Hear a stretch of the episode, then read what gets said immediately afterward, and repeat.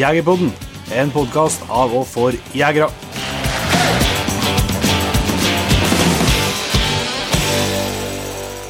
Hjertelig velkommen til en helt ny episode av Jegerpodden.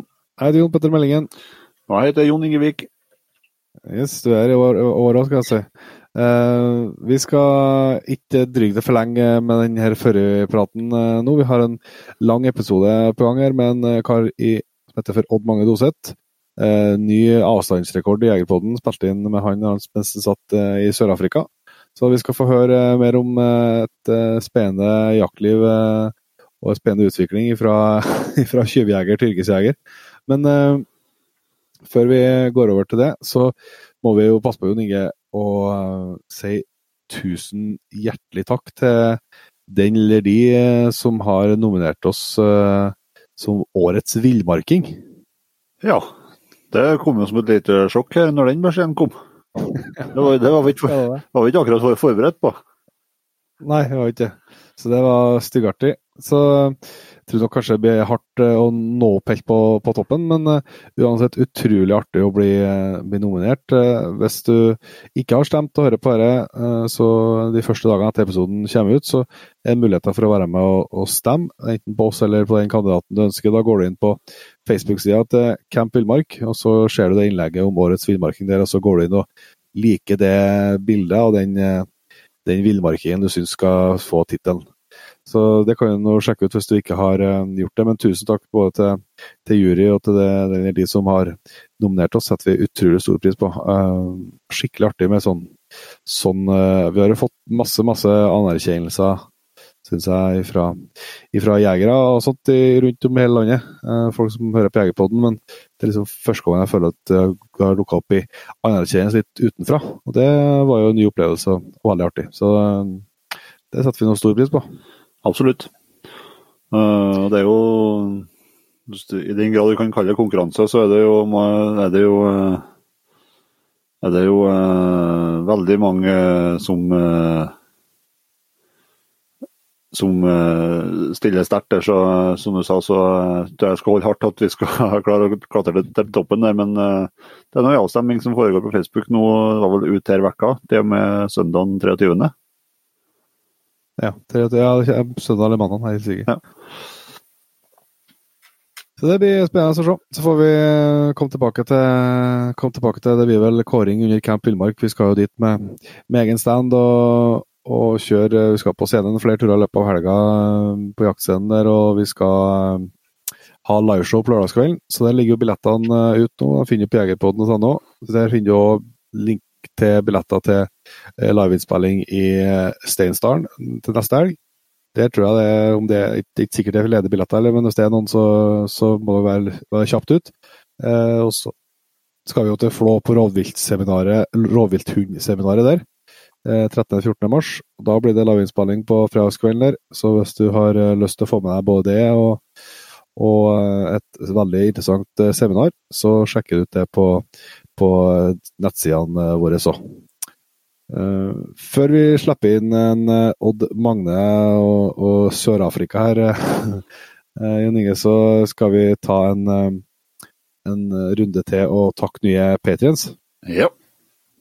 jeg må bare si jeg syns det var en sånn ganske artig, artig sak på, på Facebook her når vi skal Nå har vi jo fått takka allerede mange, mange hundre patrients, eh, og vi skal takke en stor og herlig gjeng i, i dag òg. Og så var det en kommentar fra en, en eller annen fisak der som eh, skrev at det kan ikke være noen som liker eller støtter sånne folk som dere, som driver og jakter og sånn. Eh, og den lista som kommer etter her nå, den den, den sier noe annet. Det er absolutt folk som liker å, å støtte det vi driver med, så det, han, tok, han, tok, feil. Men uh, vi sier tusen takk til en, uh, Andreas Hjelmeland. Og Arne Hegestel. Klas Vatndal. Eirik Bi Pettersen. Eirik Arnesen. Erik Strand. Erlend Sæter. Fredrik Gjelde. Fredrik Kallalainen. Hans Petter Lykkja. Håvard Brønstad Pedersen. Inger Pedersen. Jens Larsen. Jo Albin Skåle. Johamed.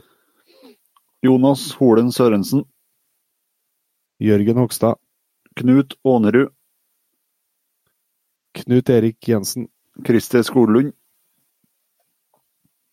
Lars. Lars Frihetsli. Mats Gøran Pedersen. Magnus Lagmannsveen. Mari Viken. Marius Totland Rønning. Martin. Martin Rosmæl Klaustad. Mats. Mats Arne Lundberg. Morten Onstad. Moshaug. Niklas Norgård. Ole Marius Martinussen. Ole Einar Gulsnes. Pål Ivar Øyen. Raimond Vabø. Roger Bjørke. Rune Ellefsrud. Sindre Buan. Stefan Brydalseggen. Stein Lund. Stian Nordby. Stula Røstali. Svein Morten Skjevik. Thomas Derås. Thomas Fossum. Tor Arne Andvik. Trond Mar eh, Mardal. Trude Granhus. Og Øyvind Moum. Tusen hjertelig takk til dere, og selvsagt til alle dere eh, som vi har takka av før òg. Så det viste seg det er noen som, eh, som liker jakt uh, likevel. det er bra. Men eh, da tror jeg Inge, at vi bare setter over til um, Odd Magne. Det gjør vi. Da har vi gleden av å ønske Odd Magne Doseth hjertelig velkommen til Jegerpodden. Takk skal du ha.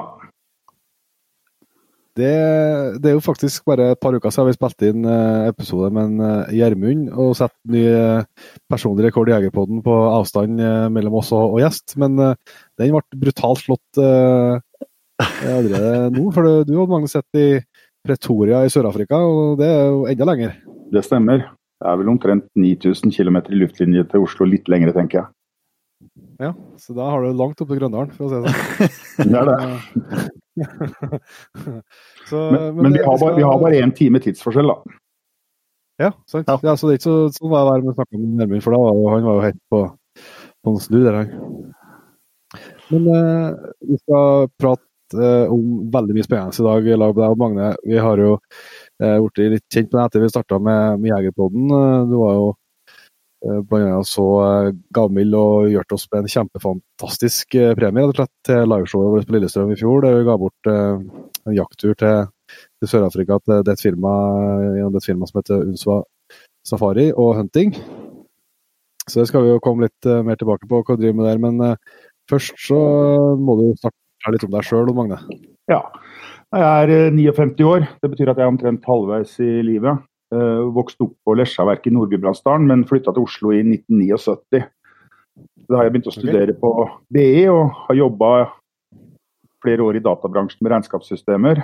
Men i 2001 så kjøpte vi et jaktområde i Sør-Afrika. Da jobba jeg der tre-fire måneder i året, og jeg har nå bodd permanent i Sør-Afrika siden 2013. Så jeg er på sjuende året nå. Og har uh, er lisensiert som profesjonell jeger PH og, og outfitter. Og mest sannsynlig den sydligste patrien registrert av Jegerpodden. ja, for at eh, det er jo sånn det skjer, det synes jeg er litt artig å se. For at vi har jo ikke Det er ikke så supergod data bestandig på, på eh, podkast, men eh, vi kan annet se hvilket land spilles av, vi. Og så prøver vi jo ikke å overvåke folk, men vi har merka oss at det, er en, uh, at det er jevnt og trutt med noen avspillinger fra Sør-Afrika. Jeg har hatt en, har hatt en uh, feeling på at det kan, kan, kan, være det. Ja, det kan det. Er, det er sånn når du ikke har gjester, så er det ofte at du går deg en tur i bushen om morgenen for å holde formen ved like. og Da er det greit å ha noe på øret, og da er det ofte Jegerpodden. det, er godt, det er godt å høre. Men eh, hvis vi starter eh, Det er jo jakt, jaktprat eh, det blir her, Magne. Så mm. hvis vi starter litt med å få høre om hvordan jakta starta, starta hos deg? Nei, jeg er jo oppvokst på en avsideliggende fjellgård på Lesjaverk. da, og med en bestefar og en far som begge var jegere og konkurranseskyttere. Så jeg fikk jo veldig tidlig lære om jakt og våpen, være med på skytebanen. Jeg har vært med på landsskytterstevner, ikke som deltaker, men som ekstra bryderi siden jeg var liten. Og eh, jeg fikk etter hvert lov til å være med og skyte litt sjøl. Vi hadde jo en slags provisorisk skytebane på gården og lå og skjøt med 22 og fikk lov å bruke den alene. Det var ikke alltid jeg skjøt på blink, jeg prøvde på andre ting. Men uh, fordelen var at det var ingen som hørte sa 22 skuddene, for det var ganske langt til nærmeste nabo. Den nærmeste han brydde seg ikke, for det var en gammel fangstmann som het Edvard. Han eh, holdt på året rundt med Det var garn i Lesjaskogsvatnet, og det var revesakser og rypesnarer og uh, sånne små buer oppi skogen alle steder. Og hadde sine små forsyninger med hjemmebrent og rødmiks. Så han syntes bare det var moro og at det var folk som var interessert i jakt og fangst. Høres ut som en fin type. Ja, det var en fin type. Han, en artig kar. De, ja, han holdt på året rundt. Uh, der oppe så var jo reinsdyrjakt det største. Det var jo jakta både, det ble jo jakta både elg og hjort og rådyr. Men uh, reinsdyrjakt var det, og er det store uh, lesja i den gangen. Og det, du hadde jo veldig god tilgang på, uh, på jakt. Du har jo På sørsida så har du jo Lordalen, altså på Jotunheim-sida så har du jo det som heter Lordalen statsallmenning. Der er det jo masse regn, og du har Snøhetta på andre sida. Snøhetta vest er vel kanskje det beste villreinområdet som fins. Eh, I Lordalen så var det relativt lettjakta. Der var det tamreindrift eh, slutten av 60-tallet. Og staten kjøpte etter hvert ut uh, stammen, og det ble blanda med noe villrein. Og det ble, tok noen år, og så ble det, ble det starta jakt. Så, og var, før så var det veldig stor forskjell på å jakte på Lordalssida og på Snøhetta-sida. For på Lordalssida så kunne du stille på flokken og du kunne skyte en rein og han sprang 300 meter og fortsatte å beite. Mens på Snøhetta så støkte hun, så så du ikke mer den dagen. Eh, Snøhetta er så vidt jeg vet den eneste reinsdyrstammen i Europa der det aldri har vært blanda tamrein. Ja. Så det var god tilgang, og det var stor interesse uh, blant folk. Så nesten alle var på jakt. Og eh, det Det var jo sånn at det var Dette var jo, når jeg vokste opp, dette var jo da 70-tallet. og jeg, jeg hørte på poden dere hadde med Dag Bakka, han snakka litt om når han holdt på han var yngre, og sånn var det litt hos oss også. Sånn var det jo på bygda, at det var litt mer anarki. Det blei kjørt uh, moped Vi kjørte moped som tolvåringer på skogsveier og, og det med våpen og jakt, så var det sånn at uh, det var en del jeg kaller egentlig uskyldig tjuvjakt. Det var sånn at alle plukka en rein eller to for mye, eller mange plukka en rein eller to for mye hvert eneste år. Mm. Og Kvotene var fleksible, og grensene mot Romsdalen og Vågå det var noen ganger litt utydelige. Det, jeg jeg merka det jo veldig godt når jeg gikk på, på skolen, for uh, det var jo sånn at uh, på skolen var jo også interesse når reinsdyrjakta starta, så var det til og med lærere som spurte liksom har far din skutt. Uh, har far din skutt? Og vi som hadde de mest ivrige foreldra og den ivrigste barn og den kanskje de beste jegere, vi måtte vente til siste dagen i jakta før vi fikk lov til å si at det var helt vilt. Ja. Jeg måtte, måtte bestandig ha at det var, var en igjen. Ja, ja, ja, det var alltid en igjen. Og det, det, det, det, var ikke uvanlig på noen måte. Men det var Jeg, jeg tror folk følte litt eierskap til viltet. Det var jo et grunneierlag som forvalta en del av det, men Statskog hadde, eller staten hadde resten. Og jeg, jeg, tror folk følte eierskap og følte at de ikke gjorde noe store innhogg i eh, bestand, og folk hadde bruk for, for, kjøtt og var glad i å være i fjellet. Og bare, bare som et eksempel på at tjuvjakt foregikk, det var jo at uh, helt fram til en eller annen gang rundt 1980 så var det sånn at når du gikk på reinsdyrjakt, så måtte du plombere børsa, sånn at den uh, bare skjøt enkeltskudd. Og da var det sånn at du enten hadde du plombe fra året før, eller så måtte du dra til lensmann. Eller lensmann kom ofte rundt og var på de forskjellige, de forskjellige sogna da, og sjekka at du hadde plombert geværet, sånn at du kunne bare skyte ett skudd om gangen. Det hjalp jo ikke så fryktelig mye på tjuvjakt, for det tar ikke all verdens tid å lade om en patron. Men det var jo en rar regel. og andre rare sånne regler som jeg husker. Det var før jeg begynte å jakte, men på et tidspunkt så var jo minstekaliberet på reinsdyrjakt 7,92. Og. Det er jo litt overkill, spør du meg. Jeg syns jo at 2,43 ville vært et glimrende reinsdyrkaliber.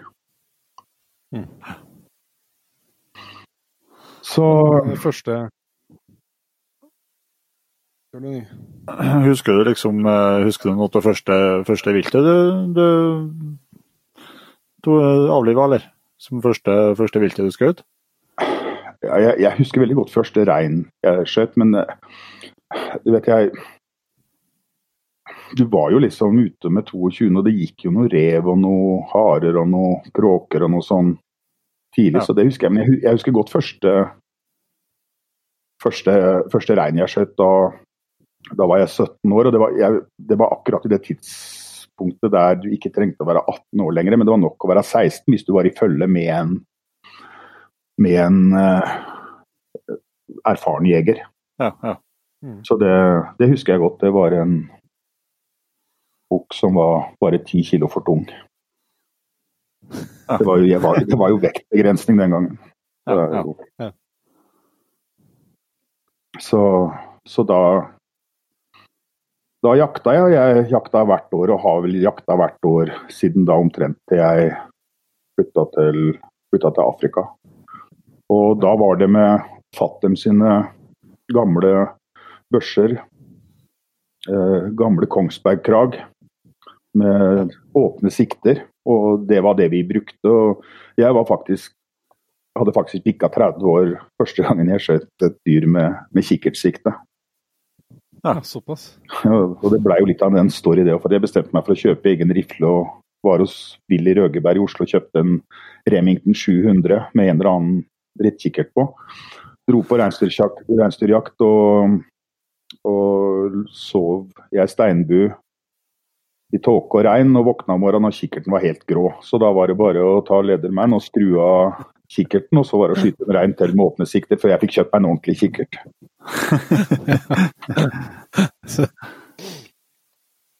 så utstyr, utstyr er viktig.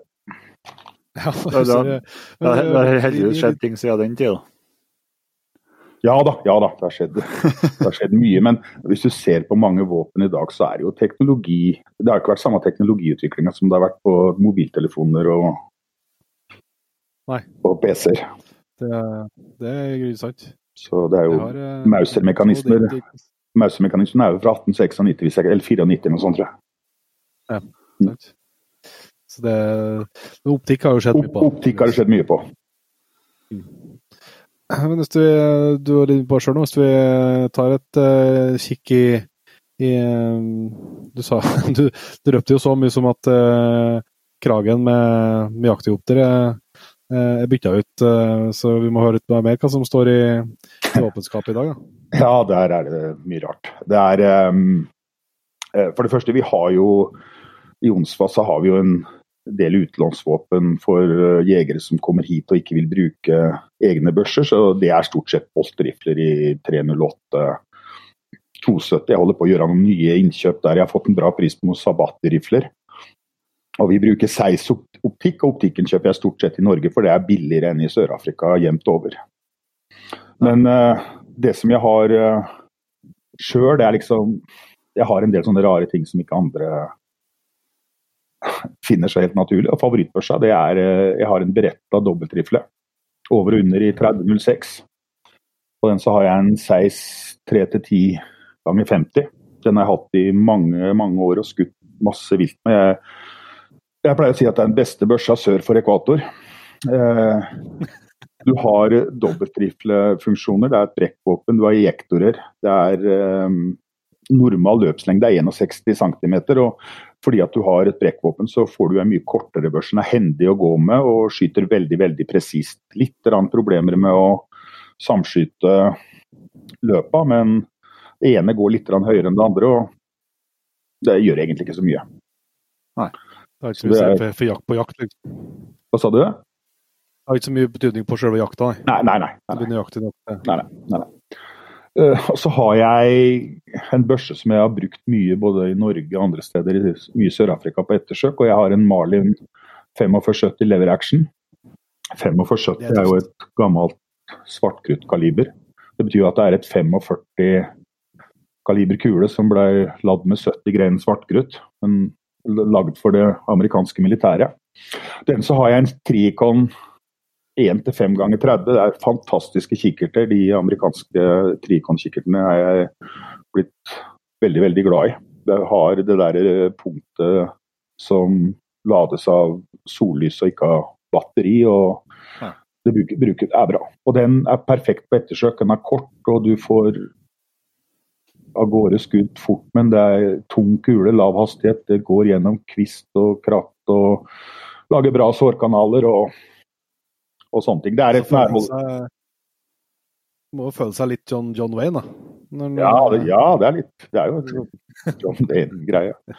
Men det er, det er så, som ettersøk sånn nærholdsvåpen, så er det veldig bra. Når du, når du passerer 80-90-100 meter, så er det jo bare å glemme. Det, det går ikke an å skyte på lange hold. Nei. Nei. Nei så Navest og tungkul, så Men det, bare Trigicon uh, har jeg misforstått Jeg hadde for meg at jeg hørte en gang i tida der at, at uh, det systemet de har der, at det er vanskelig å ta med på fly, de kikkertene. Har jeg aldri det var sånn radioaktivitet? Et, et Nei, har jeg aldri hatt noe problemer med. Det er, men det har vært mye rare historier om fly og våpen, men det kanskje vi kommer tilbake til. Ja, det men det, jeg, jeg, har aldri hatt noe problem. Jeg har hatt med trikonsikter både til Canada og til, til Afrika. Ja. Så Nei, ellers så har jeg eh, en kombi, Churchill 757 R, rifle og kaliber 12 hagle. Der har jeg også ekstra hagleløp. og Den bruker vi faktisk ganske mye her nede på uh, nattjakt. Uh, uh, vi har hennes vi er ute og lystrer. Det er jo lov å lyse etter vilt om natta. og vi skyter en del mindre rovvilt.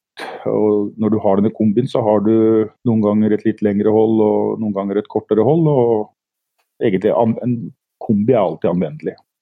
Ja.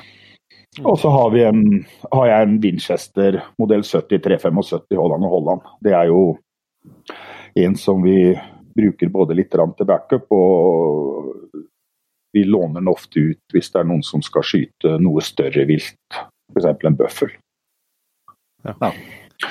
Det som Når du kommer opp på, når du kommer på 375 Holland, kan du kan du feile alt eh, vilt med det kaliber som er stort nok til elefant og hele ja. hopprennet? Ja.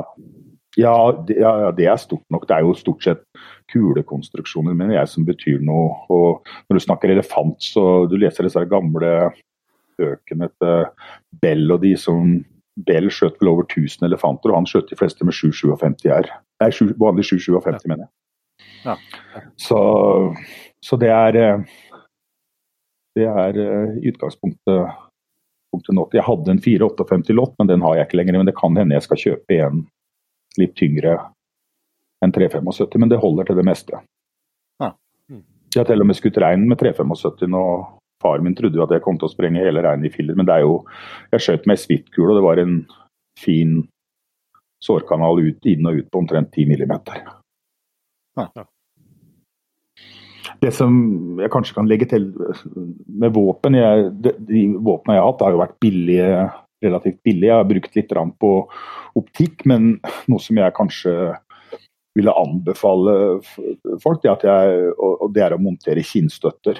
Det, jeg har justerbare kinnstøtter på alle, børsene mine. For det første så får du veldig raske skudd f.eks. på ettersøk. Du er oppe og rett i sikte med en gang.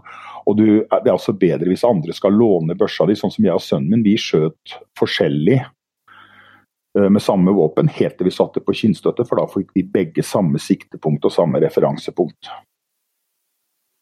Ja. Så jeg syns kinnstøtter er fantastisk.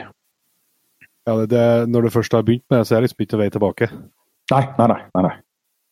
Eh, Jeg føler meg jeg har, altså, Vi hadde hatt noen våpen for test og sånn òg. I siste da jeg har hatt kinnstøtte på, på alt um, i lang tid, og du føler liksom ikke at du, du klarer å gi børsa et, en eh, fair test heller. Når du har uh, så vant til å ha full kinnstøtte, så, så føler jeg ganske ustødig altså, når du ikke får legge ned på Ja, ja. ordentlig vis. ja, ja, ja, ja. Det er jo det er fortsatt et mysterium hvorfor ikke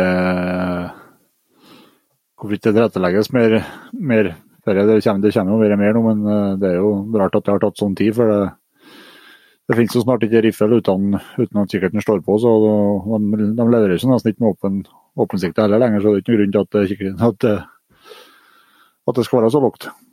Mm -mm. Nei. Er enig. Nei, Jeg skjønner ikke, du skal, du skal ha med eller på skal vi ha med noen i podkasten her som lager våpen, og så skal vi spørre om det. Mm. Hvorfor i all verden leverer opp våpen uten åpne sikter, men uh, med en stokk som er tilpassa de siktene som ikke er der? Ja, ikke sant. Det, det er et litt sånn mysterium, det. Altså. Men det kan jo så her og der, men det er godt å høre at du er i hvert fall tre, da, for jeg har jo tenkt det med tillitsing at det kan være jeg som er så feilkonstruert. At det er bare jeg som eh, som farfødt på det, men uh, tydeligvis ikke i hvert fall tre stykker nå, da. så det er noen trøst. Ja, nei, jeg er helt definitivt på det med kinnstøtter. Og, og man ser det når man låner ut våpen, så hender det seg at de skyter bedre og bedre når du justerer litt opp eller ned. Det, Ja, det har mye å si, altså. ja. I hvert fall hvis du skal på jakt og kanskje der det, det går litt eh, Der du må montere raskt, da. Så, så har det jo enda større betydning, selvsagt. Mm. Men eh, du må ta oss med Vi har jo ikke eh, vært noe mye i Afrika, Jan Inge. Altså, du må ta oss med dit uh, uh, i, i ånden, i hvert fall. Magne. Men ditt eh, første møte med Afrika? Nei, Det første møtet med Afrika det var uh, veldig spesielt. og Det er ganske typisk. Det er omtrent som alt i livet. Noen ganger så kan små tilfeldigheter føre til store endringer i livet ditt. Jeg hadde, Det var i 95, tror jeg det var. Så hadde jeg eh, Vi hadde solgt en liten databedrift, og det ble litt ekstra penger. Ingen som ble steinrike, men eh, det ble i hvert fall råd til en skikkelig jakttur. Og jeg hadde bestemt meg for å reise på en jakttur, og det var Canada som sto øverst på lista. Men eh, jeg var litt seint i gang, og jeg ville reise i mai, og det var vanskelig å få vårjakt på svartbjørn. Den gangen så var det ikke så mye internett og ting du kunne søke og kontakte, så jeg fant ut jeg må finne på noe annet. Og da kom jeg på Afrika. Jeg veit ikke helt hvordan jeg kom på Afrika, om det var noe vi leste om i noen blader eller hva det var. Men i hvert fall så ringte jeg til den sørafrikanske ambassaden i Oslo og spurte om de visste om noen som drev med jakt. Og de eh, sendte meg til Sigurd Halvorsen. Fantastisk eh, kunnskapsrik kar som drev eh, jaktselskap den gangen. Sigurd eh, hadde jeg mye gode diskusjoner med og jeg har lært mye av han. Han eh, ble dessverre drept av en elefant i Malawi i 2016. Ikke på jakt, men eh, rett og slett på en fotosafari. Men eh, i hvert fall så sendte eh, den sørafrikanske ambassaden meg til Sigurd, og han sendte meg til Namibia. Og eh, det blei en veldig spesiell tur, og det var egentlig et lite sirkus, men eh,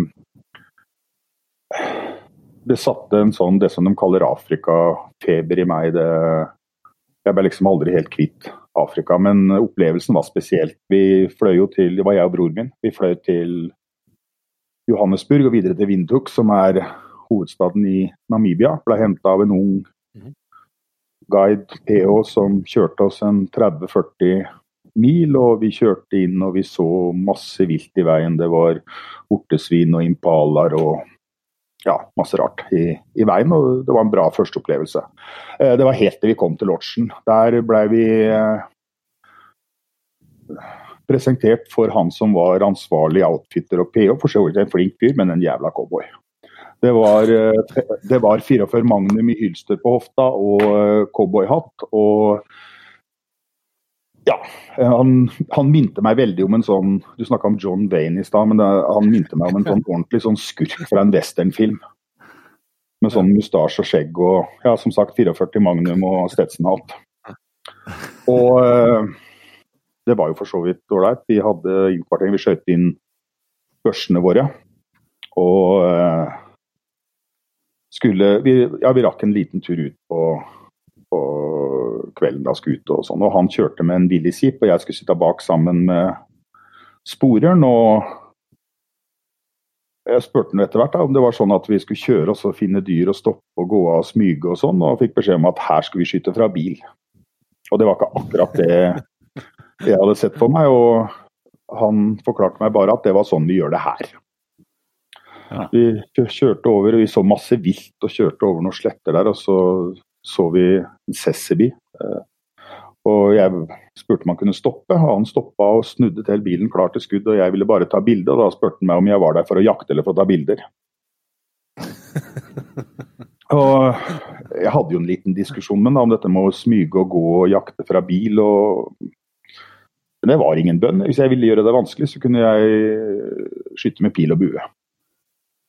Så det endte jo da første dagen med at jeg skjøt en blesbukk som kom springende rett mot bilen på en 140 meter. og Det var jo første Afrikaviltet, men du følte liksom ikke at du hadde vært med på noe ordentlig jakt. Og du følte ikke at det var noen sånn spesiell prestasjon i det du, det du hadde gjort da.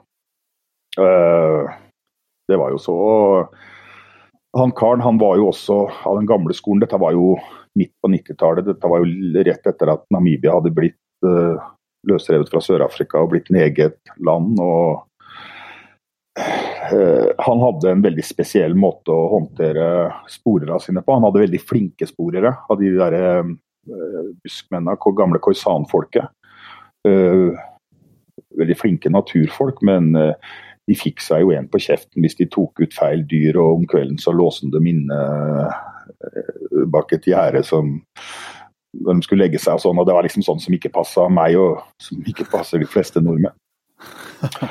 Og sånn gikk jo dagen, og jeg skjøt en Blue Wild Beast, gnu, altså vortesvin og noe greier. og ja, Vortesvin gikk fra et vannhull da vi satt på post, men resten skulle liksom gå fra, fra bilen.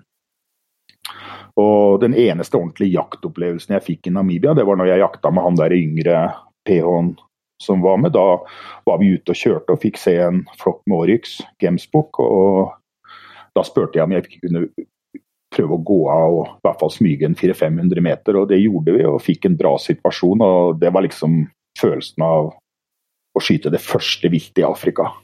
Ja. Mm. Så det var, det var bra. Nei, altså han, han, vi var hos, han eh, var jo veldig spesiell. Det var jo også siste dagen vi var ferdigjakta, så skulle vi få være med på cowboyfest i Omoruru. Og det var litt av et show.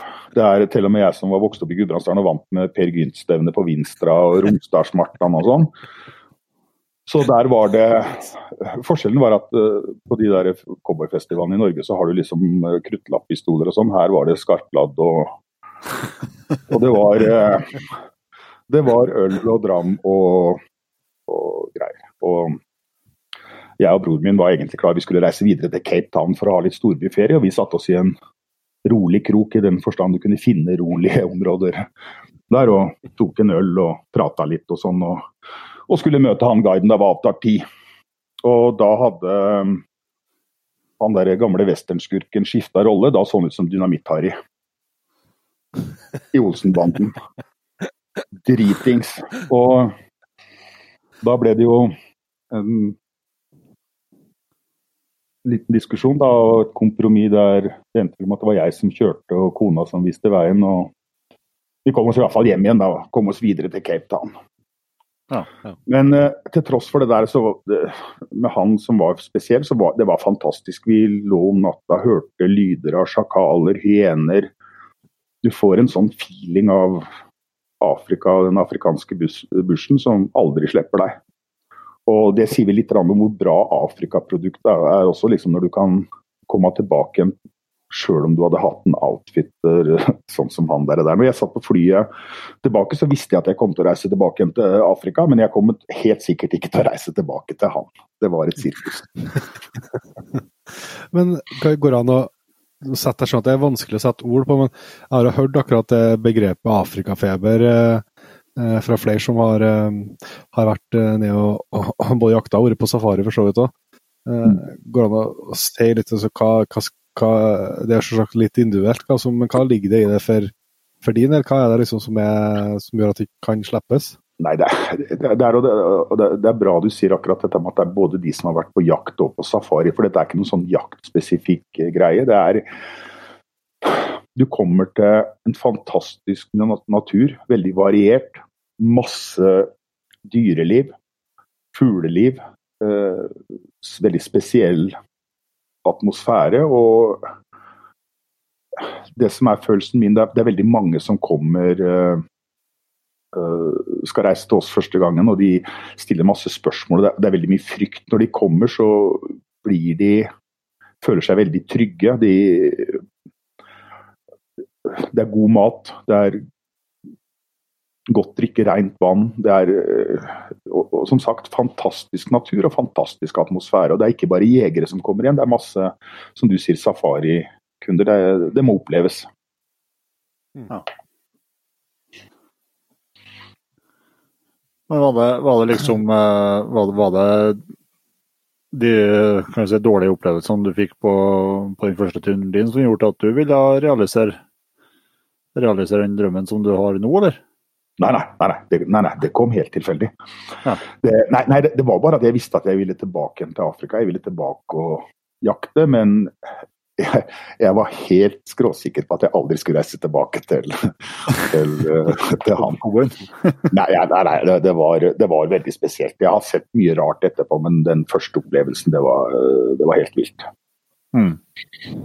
Men uh, andre, andre møter, da? Kan du, hvordan, hvordan ja, nei, veld, nei, veldig kortfatta mot det, så bestemte vi oss da Det tok jo bare åtte måneder eller noe sånt før vi reiste tilbake igjen. Da, da hadde jeg med meg samboeren den gangen da, og sønnen min. Thomas, da var han tolv. Han, han, bor jo også her i dag og er PH. Men uh, han var da 12-13 år, og vi dro til en sørafrikansk uh, outfitter og sånn. Var en god del yngre enn meg, men uh, der fikk jeg en helt annen opplevelse. Der satt vi om første kvelden og prata litt om åssen vi ville ha det. Jeg fikk lov til å jakte til fots, være delaktig på alt som skjedde. Smøy mye i bushen. Det var ofte sånn at jeg gikk med en av de innfødte trackerne, mens uh, Vimpis, han het, han gikk eller var med Thomas og lærte han å skyte. og Han skjøt først, sin første vårtog som tolvåring og lærte å skyte og lærte å jakte. Lærte mye der nede. Ja. Og det blei ganske mange turer ned til han i løpet av de neste to-tre åra. Og etter hvert så blei jeg også som en slags agent for han i den forstand. Ikke at jeg hadde noe reisebyrå, men jeg organiserte så han fikk komme til Norge på en messe. og og var med og hjalp med å ta ned venner og kjente og, og alt mulig sånn. Og vi ble gode kompiser. Han var også med å starte Onsva Safaris, men han omkom i en bilulykke i, i 2004. Og ja, det er en annen historie. Men det var en helt annen opplevelse når jeg kom til han og, og ja, vi fikk styre mye, mye mer, mer sjøl. Og ikke minst Thomas fikk jo mye jakterfaring som 12-13-14-15-åring. Mm. Ja. Det er forresten en bra historie om de to også, for det, Thomas og han guiden ble jo veldig gode venner. og Vi hadde en av de siste safariene før vi starta sjøl, så hadde de jeg, Thomas fikk alltid et budsjett, og hadde vel brukt opp det. Og jeg måtte jo vise styrke da, og si at han nå fikk han bare lov å skyte fugl. Og det var jo greit, men både guiden og Thomas var jo litt sånn furtne. da, og De gikk ut av av børsa, så kommer en struts, og så sier Wimpy yeah, 'that's a bird'. så da skjøt de en struts. Det, det er, det er storfugljakt. Definitivt ikke kalle storfugljakt. Ja, men det synes jeg, jeg tenker at det må være innom rammene når du har fått beskjed om fugl. ja. Ja, det var det. det, var det. Juridisk sett så var de helt trygge.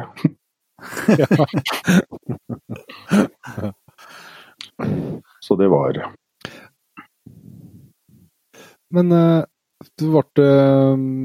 så ble det etter hvert en eh, jaktfarm på deg, da, og det som i dag er Unsva Safaris. Hvordan, eh, vi må få litt jeg synes Du sa også at det var tilfeldighetene som var i spill her, men uh, hør litt, vi får høre litt om tilfeldighetene?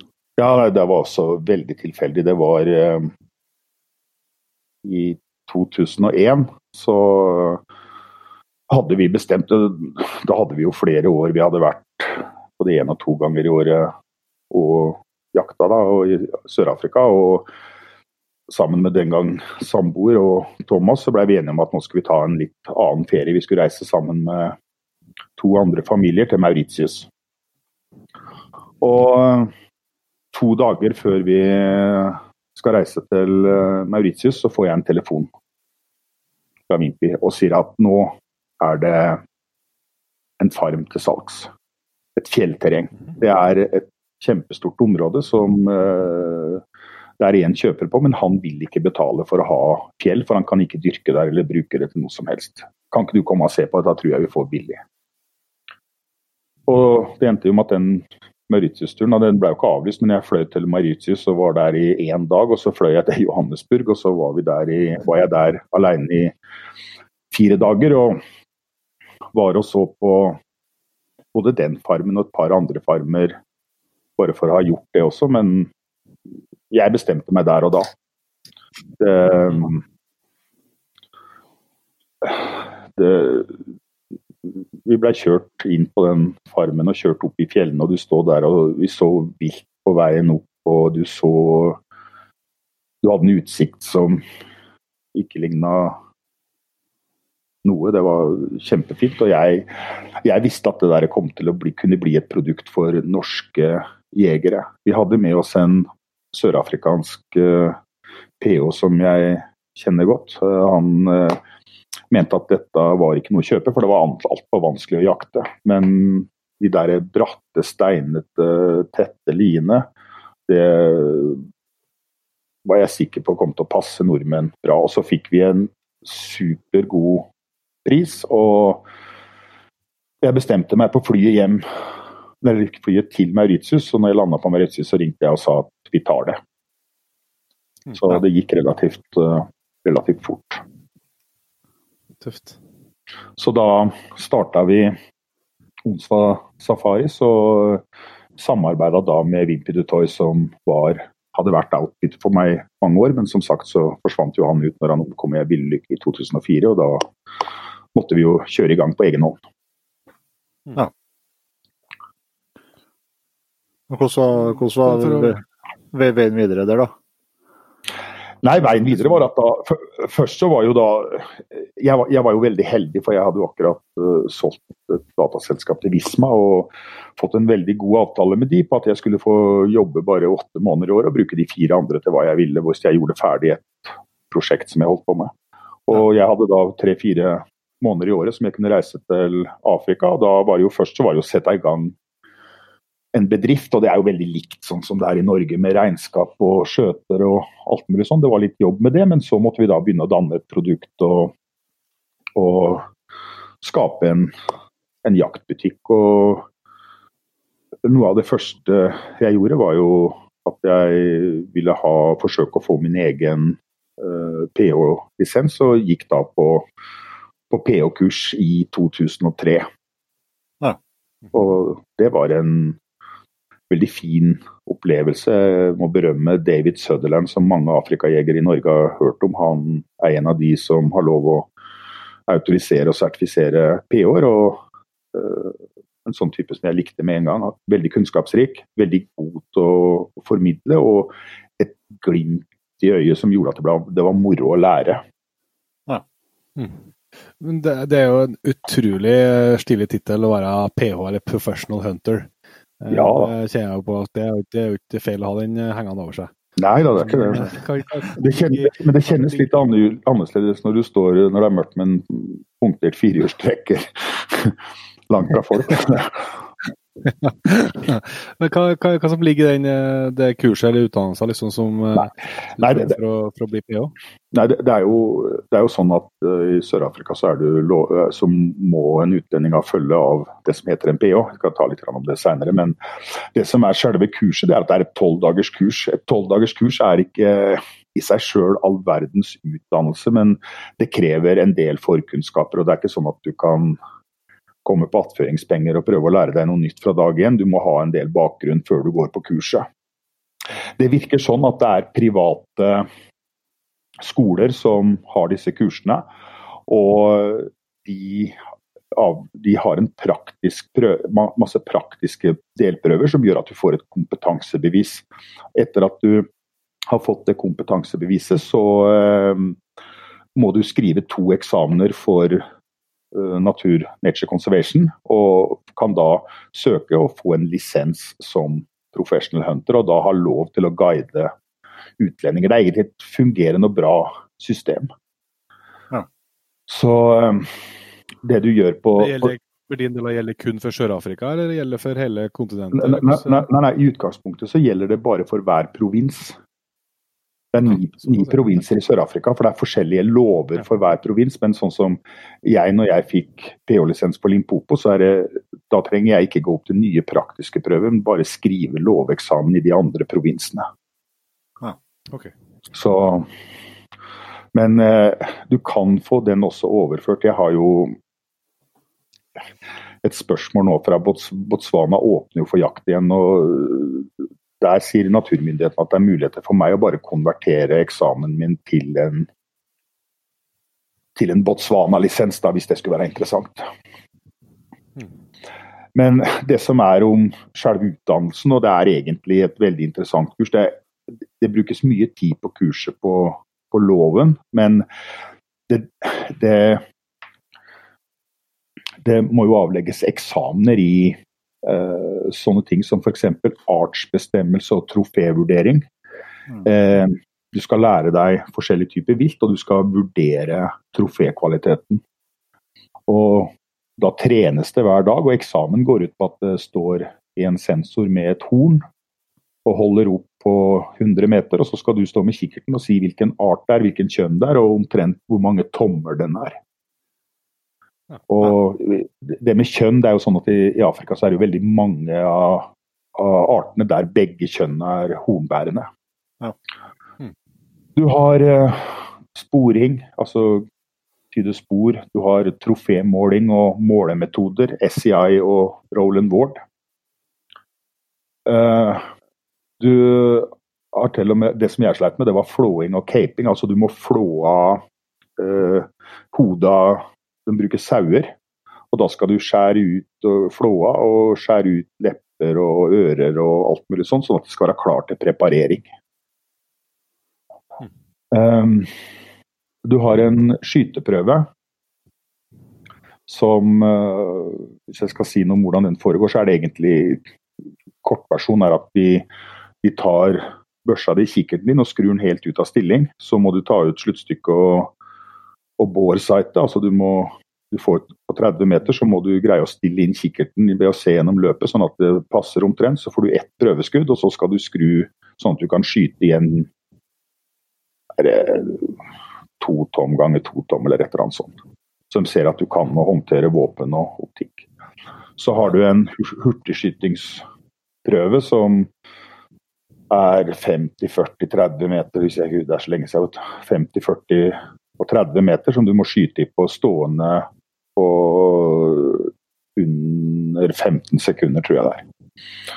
Og så må du skyte tre skudd i en springbok. Det er dette omtrent som storviltprøva i Norge. På, du kan stå med skytestokk, men du skyter på 100 meter og skal ha en viss poengsum da. På det der. Eh, ellers så er det en praktisk eksamen der du har en time der du kjører rundt med en sensor og farter rundt i bushen og får spørsmål om å gå ut av bilen og tyde de og de sporene. Hvilket tre er det, hvilken fugl er det? Ja, sånn general knowledge, kaller de egentlig det. Ja. Ja. Så Så at for en, eh, for en eh, elgjagende, elgjagende namdaling, selv om man jakta litt noen dager, så, så er det ikke bare å komme og bli PO over natta, skjønner jeg. Må ha vært litt i Afrika på forhånd, da. Ja, dette med artsbestemmelse og sporing og sånn, men vi, har- vi har hatt folk som uh, har vært bare én-to ganger i Afrika som har vært og fått og klart å gjennomføre den praktiske delen. Det som er problemet for han namdalingen, er det at du, det er veldig vanskelig å få arbeidstillatelse nå for å, så du får lov til å bli PO, for det er en del arbeidsledige PO-er i, i Sør-Afrika. Men alt, alt kan læres. Ja, Det, ja, er- det, er- det, er- det er som Tom, Tom Nordli sa en gang, du trenger ikke ha vært hest for å bli jockey.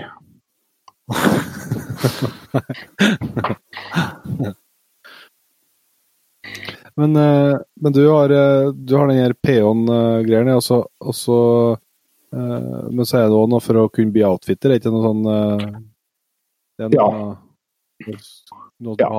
Noe papir på dere, skal jeg si. Ja, det er, det, og det, der er det sånn mye misforståelser ute og går blant øh, de som reiser inn. Og det er at uh, en PH-lisens det gir deg lisens til å jakte med en utenlandsk uh, kunde. Men en PH har ikke lov å selge, markedsføre eller gjennomføre jakt. Det, da må du ha det som heter en outfitter. Det er altså, kan du si, en utvidelse av PH-lisensen. Eh, det, det er akkurat samme eksamen og alt, men for å bli outfitter så må du ha en camp som holder en standard som eh, gir deg mulighet til å eh, hospitere utenlandske gjester. Og da får du en inspeksjon fra Nature Conservation der de kommer og ser på hele lodgen, kjøkkenet ditt, brannslukningsapparater, våpnene dine, bilene dine, alt mulig. Og da, da får du en, en outfitter-lisens som, eh, som gir deg lov til å markedsføre og, og eh, selge jakt. Du må også dokumentere at du har jaktretter, sånn at du selger det du har. Og der er det en stor misforståelse ute og går. Det er mange PH-er som har holdt på å markedsføre jakt, og det som skjer er at du får som regel en jakt, men når du skal eksportere skinn, horn, trofeer til Norge, så må du uh, fylle ut et skjema og levere der det står hvem som har vært ansvarlig outfitter og hvem som har vært ansvarlig PH. Ja. Så det så, men, men, men, men jeg er sikker på at uh, altså mye av det som du lærer på det kurset, det ville mange rutinerte jegere kjenne igjen uten noe større problem. Vi hadde faktisk litt mer problemer på det kurset som vi hadde. Vi hadde et kurs hos oss for seks-sju år siden når vi autoriserte annet, Det var en del nordmenn som var her og tok eh, kurset.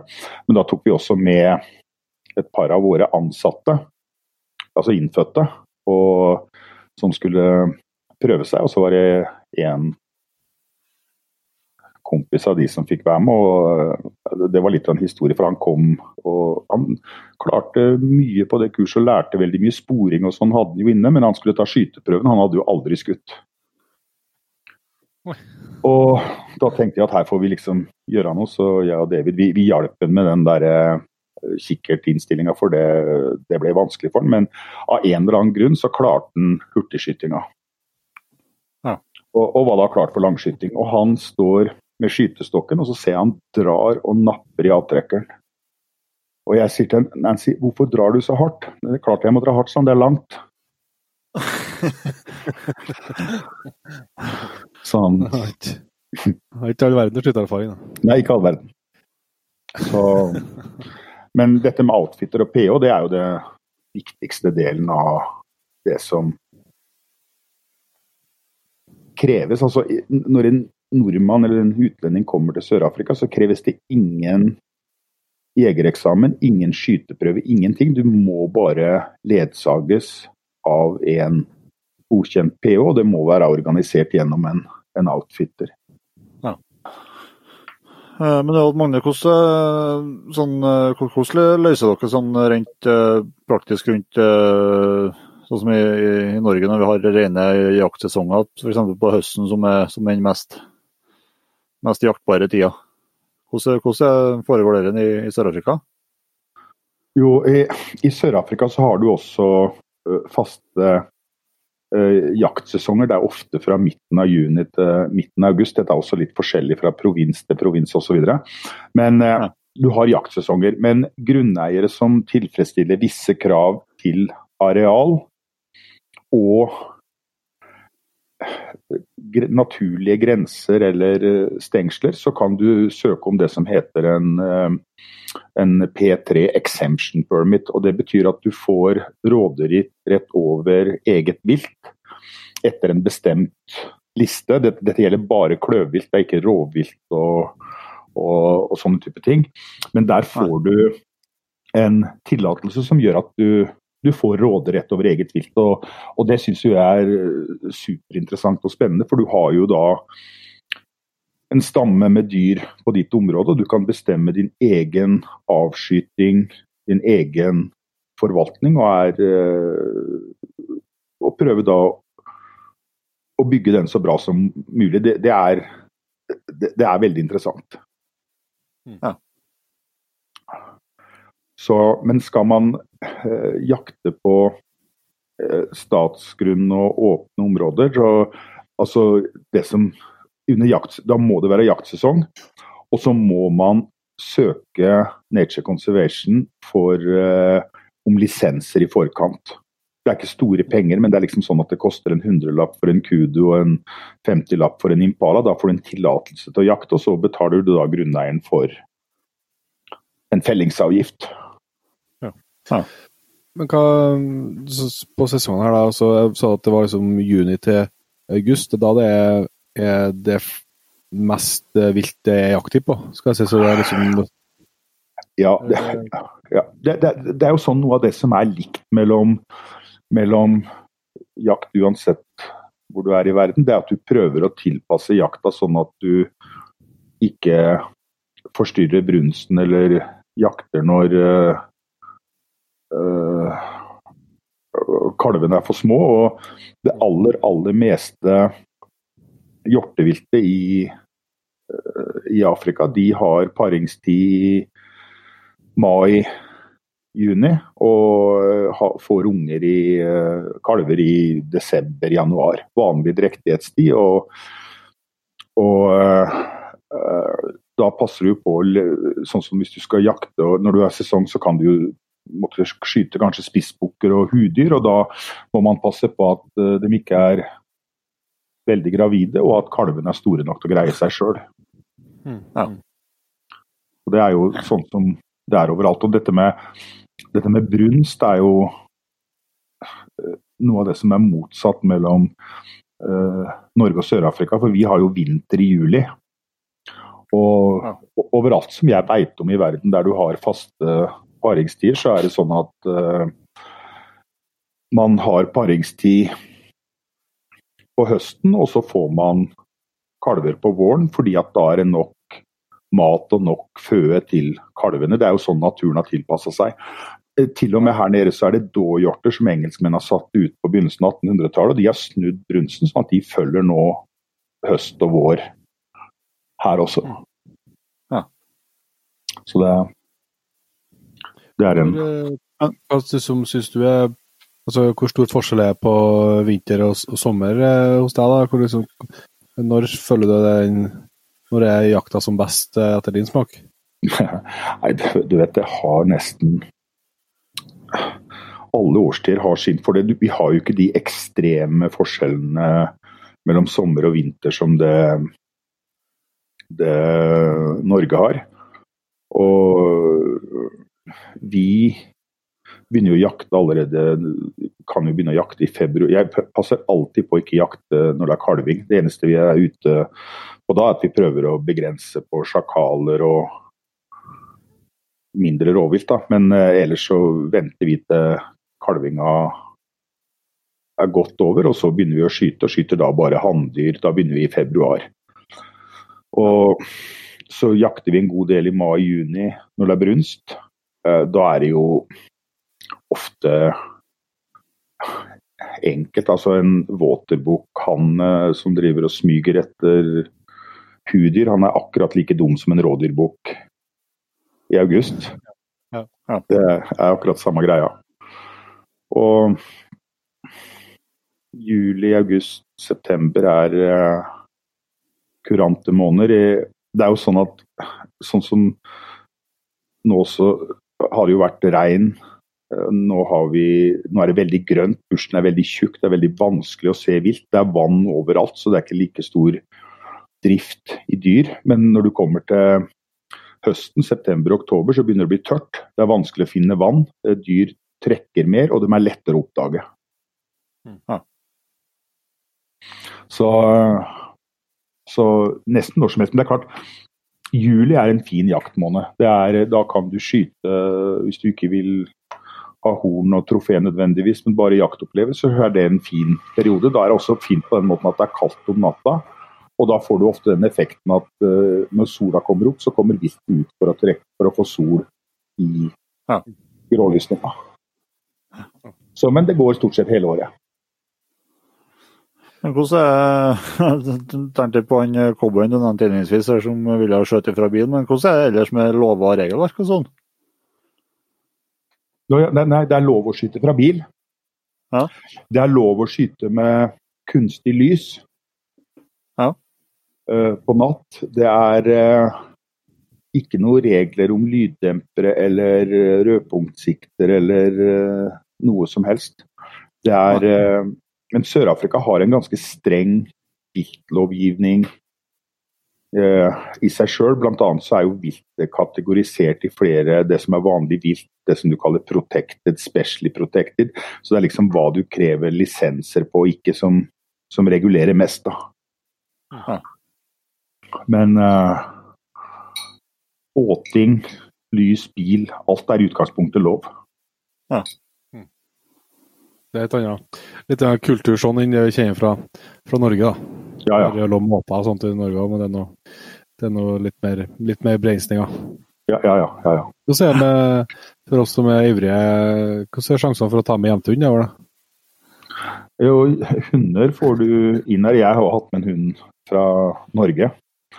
Eh, Det er et apparat, men det lar seg gjøre. eh, Men jeg vet jo at sånn som ja, Dere kjenner jo Jon Steinar, som har, han driver og frakter hunder hele tida til Canada. Så det hadde vært Det hadde vært mulig, og det har aldri vært prøvd. Men eh, det er jo skulle sies at eh, Sør-Afrika har ikke noe typisk eh, kultur for jakt med hund. Eh, og det blir ikke mye brukt. Det er også sånne provinslover, sånn som i Limpopo der vi opererer, så er det ikke lov å jakte med drivende hunder. Du har bare lov til å bruke det til ettersøk. Men jeg har faktisk tenkt på å ha, hvis du hadde hatt en hjemthund, f.eks. på Blue Wildebeest, gnu, som særlig på disse eldre oksene som alltid springer fra deg, stopper, titter, aldri flytter seg langt om gangen. Jeg er nesten helt sikker på at en hjemthund skulle stilt den. Ja. Det hadde, vært, det hadde vært jævlig moro å prøve. ja, det kjenner jeg alt. Det har vært det har vært over, overraskende bilde på Jamtun-gruppa på Facebook, ja. Mm. Men eh, ja, Jamtun og sånn Blue Wildebeest, det har vært Ja, ja, ja. helt rett. ja, ja, ja. Så, Ser, litt uh, feilplassert ut likevel, med liksom tjukk vinterpels. Uh. Ja, det klart. og, du, og du sitter på sida med shorts. Og, Ja. Ja, ja. Ja, men, eh, så, så det kan faktisk eh, men så, så det er ikke noe, men det er ikke tradisjon for, eh, for hund, hundbruk på den, den måten, da. Nei. Det, det er noen steder der de jakter bl.a. Uh, vi har den afrikanske gaupa som heter lynx, karakal, som de jakter med hunder. Og noen av disse små antilopene som blue doiker og sånne ting, det, i, i den provinsen som heter Eastern Cape, der har de lov å jakte med hund, og der gjør de en del sånn, sånn hundejakt. Men, eh, men det, er, det er ikke på, i nærheten av hundetradisjoner som i Norge med fuglehunder og løshunder og båndhunder på elg. og her nede så er det ofte sånn at eh, når folk sier at de har a good hunting dog, så betyr det at man bjeffer når de ser vilt. Ja. kan se for deg en setter i stand på struts, Petter. Mm. Det bør være mulig å ta den, ja. Men eh, det som jeg lurer litt på når vi har med Afrika Det er mye sånn eh, rare tanker han har. Men eh, den, den, hvordan er det med drivjakt? da? Er det tradisjon for det noen plass i Afrika? Altså, Ja. Ja, det, det, det har eh, Det er egentlig ikke noe tradisjon, men eh, det har vært, eh, vært brukt eh, sånn som Sånn som springbukk, nasjonaldyret til Sør-Afrika, er jo et slettedyr, og der de ofte har drevet dyr med biler inn til skytterne. Eh, Jeg har prøvd eh, drivjakter å ha én eller to i året, men det funker ikke det, sånn som impaler, det kommer så fort at det er ikke sjans om å få skudd på det. Eh, Det som har vært kontroversielt her nede, det har jo vært Det er jo faktisk ikke så langt fra oss, så var det til og med reportasjer om det på TV. Det var der de hadde store områder, men de bare satte opp tårn, kjørte hundrevis av folk og bare trykte gjennom og skjøt på alt som kom. Mm. Og jeg, jeg syns ikke Drivjakt i Sverige jeg har jeg vært mye på det. Gris og dåhjort og sånne ting, det er det ålreit. Men disse slakteepisodene som de har her, det, og sånn som Monteria i Spania, det er noe jeg aldri skal på. Nei. Det blir noe Så- ganske annet. Hva? Ja, det blir noe ganske annet. Ja. Men vi snakker litt uh, om eh, eh, ja, altså, Afrika er jo et land med eh, eller et kontinent at, eh, så, eh, som har veldig store forskjeller i, i alle mulige eh, kontekster. Eh, men men også, som, vi, snakker litt om jakt og sånn, så, så er altså, jeg har jo på vis før kanskje hatt litt den kalde fordommen at, at i Afrika, Afrika jakt og det er, det er kun for eh, kakser og folk med veldig mye penger. Men når du får begynne å se litt på det, så, så, så er det jo virkelig ikke uh, sånn. Altså, en, eh, en jakttur til Afrika er jo langt mer uh, gjennomførbart sånn økonomisk enn uh, enn å dra til Canada, f.eks. Ja, ja. Eller Nei. mye av driv- drivjakt i, i Europa. Ja, ja. Og det er du, du betaler jo etter en trofé eller en fellingsavgift prisliste. Og det begynner jo liksom noen ganger på 4000-5000 rand. 2000-3000 kroner for vortesvin og en del av griser, mindre antiloper f.eks. Men det, det, det har jo litt med hvor eksklusivt vilt det oppleves. Vi har jo sable og roan-antiloper som Nå begynner prisen å dette på sable, da, men der du kanskje må belage deg på 50 60 70 80 000 rand. Så, men jakta trenger ikke være dyr. og Sånn som å skyte en kudu er jo noe av det staseligste som fins. Det ligger på rundt 20 000 rand, 12 000 kroner hver så. Og my, mye heller det enn en kronhjort til 75 000 i Ungarn. En annen ting som har vært bra i Sør-Afrika, men som jeg er redd kommer til å forandre seg, det er at du alltid har fått én pris, og du ikke hadde måttet begynt å betale etter tommer eller centimeter eller vekt. Ja. Men det, Det det, kommer mer og mer. Mm. Ja. Så Ja, det er veldig synd, for at det er liksom noe av det som I hvert fall for, for en del av oss som, eh, ja, som i hvert fall vi er representanter for som typisk eh, i etablererfase og sånt, så, så er en ting liksom å, å klare å over tid spare opp en sum til en tur. mm. Mm. Men liksom det er jo utfordringa hvis du ja, det kan være uheldig, rett og slett. også. Og skjønne Ja. som er mye større enn du tror, og så plutselig står du med, med dobbel regning. Men, men det går det jo an å, å regulere sånn sett. Og vi har jo masse gjester som er ikke kakser, det er vanlige folk som er glad i å jakte. Og eh, vi har jo vilt som de har råd til, både når det gjelder trofévilt, men eh, vi gjør det også sånn at eh, vi har en egen prisliste for spissbukker, hudyr, avskytingsdyr. da. For det som er vanlig i Sør-Afrika, er jo at de selger trofé, trofeer til utlendinger, og så selger de kjøttdyr og avskytingsdyr til lokale.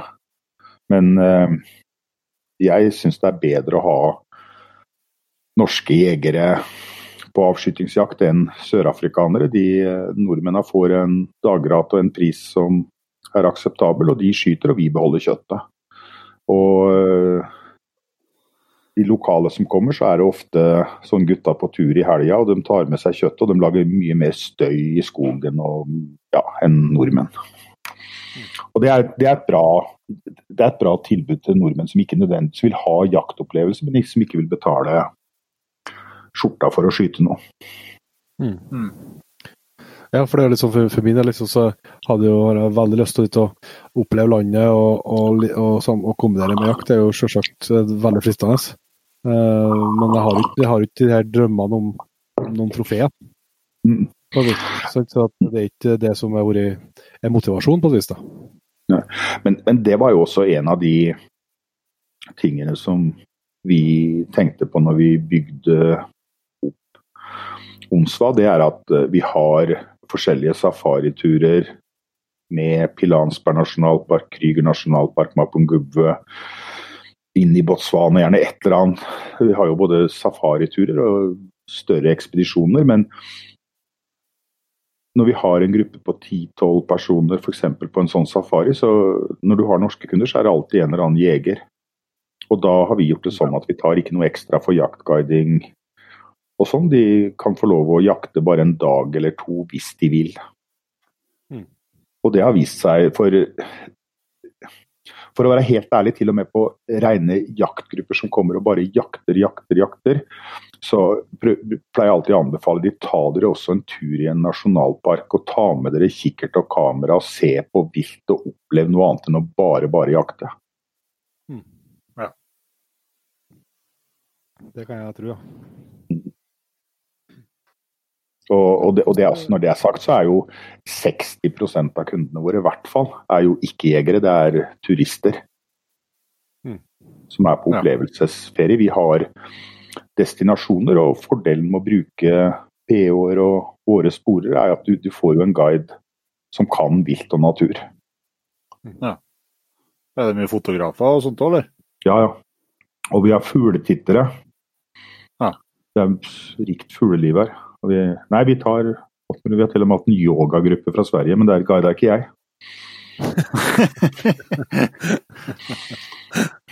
Så du har ikke en sånn ph eh, på eller noe tilsvarende på yoga, altså? Nei, jeg har ikke det.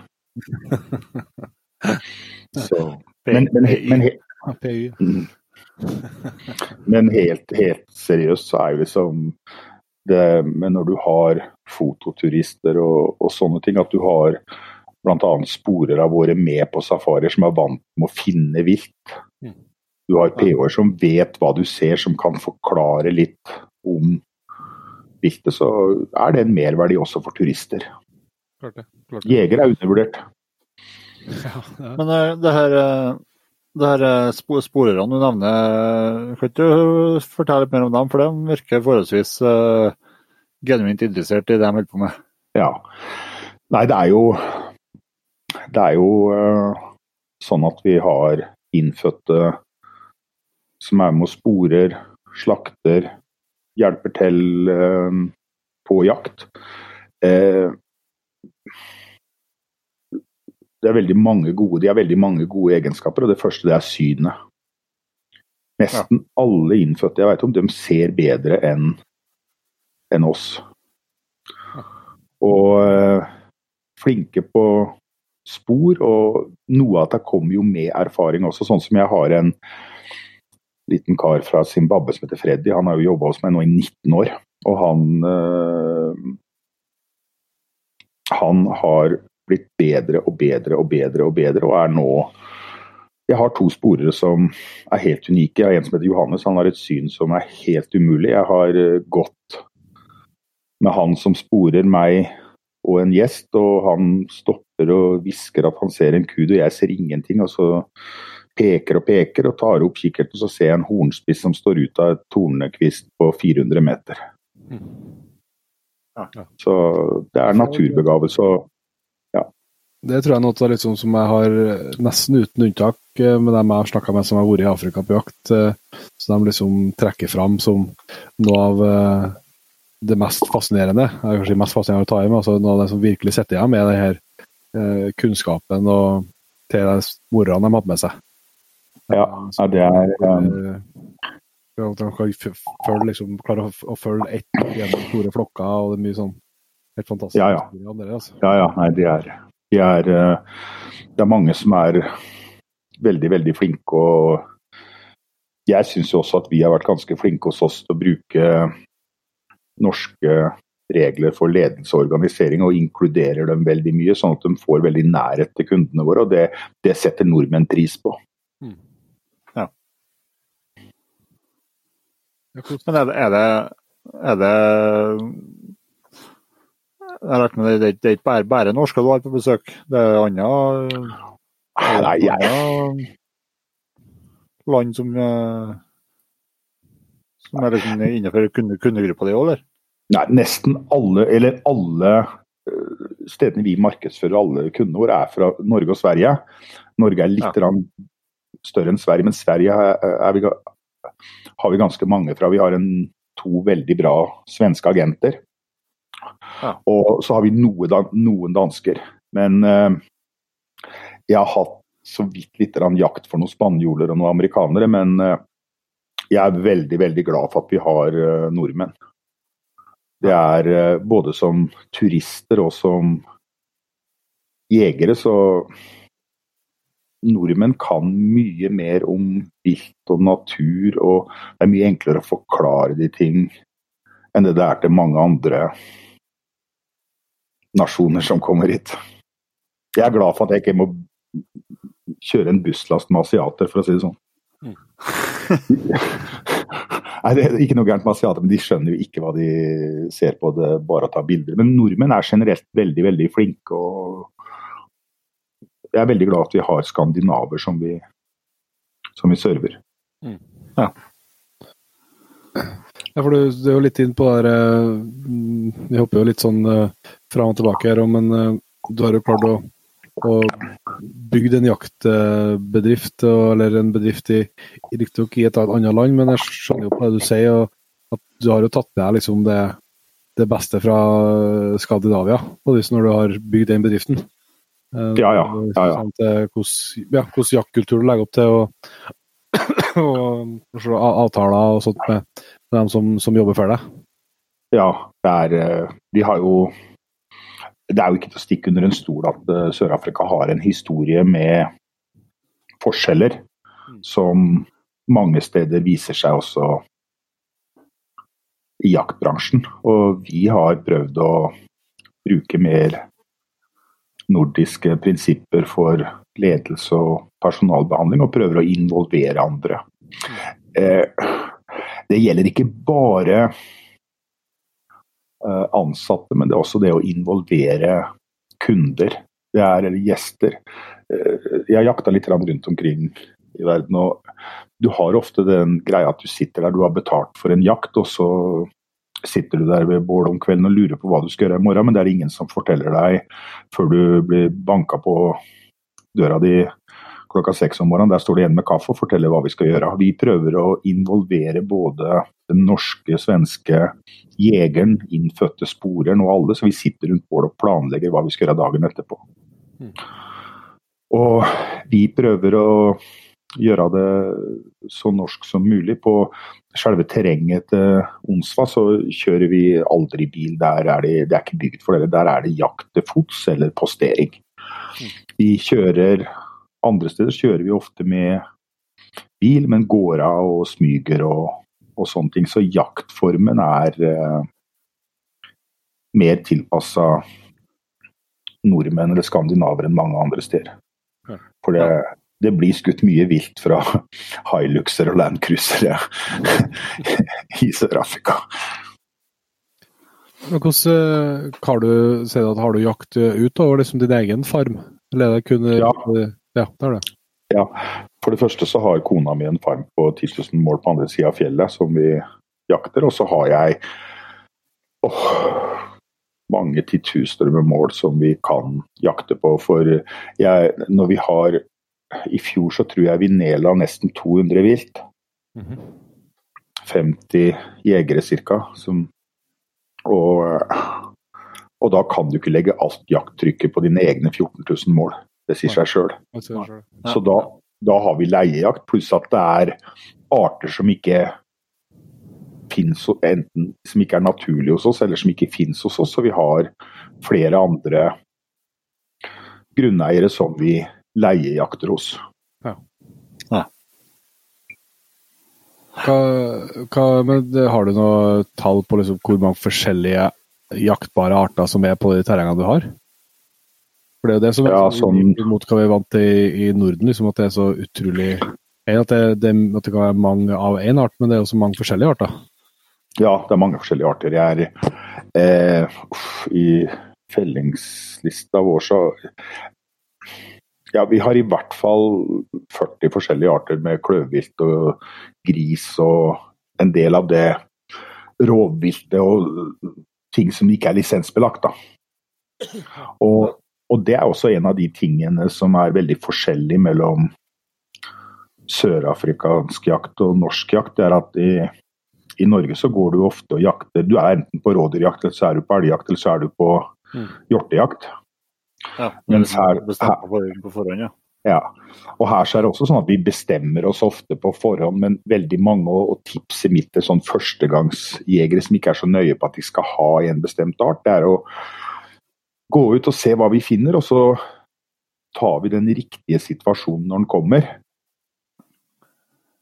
på det vi ser, og som er innafor budsjett eller hva det måtte være. Og, mm.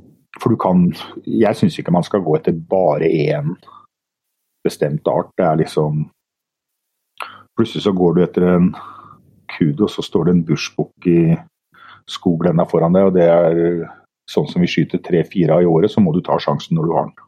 Mm. Ja. Mm. Jeg lurer litt på altså, hva som ikke eh, nå bevandret til en verden eh, hva, Det her som jeg kjenner får litt angst for deg, det er jo dette å reise med, med våpen. Når vi har en, først har med en arrangør, så må vi spørre litt hvordan, eh, hvordan opplever at det fungerer for dine, for dine kunder?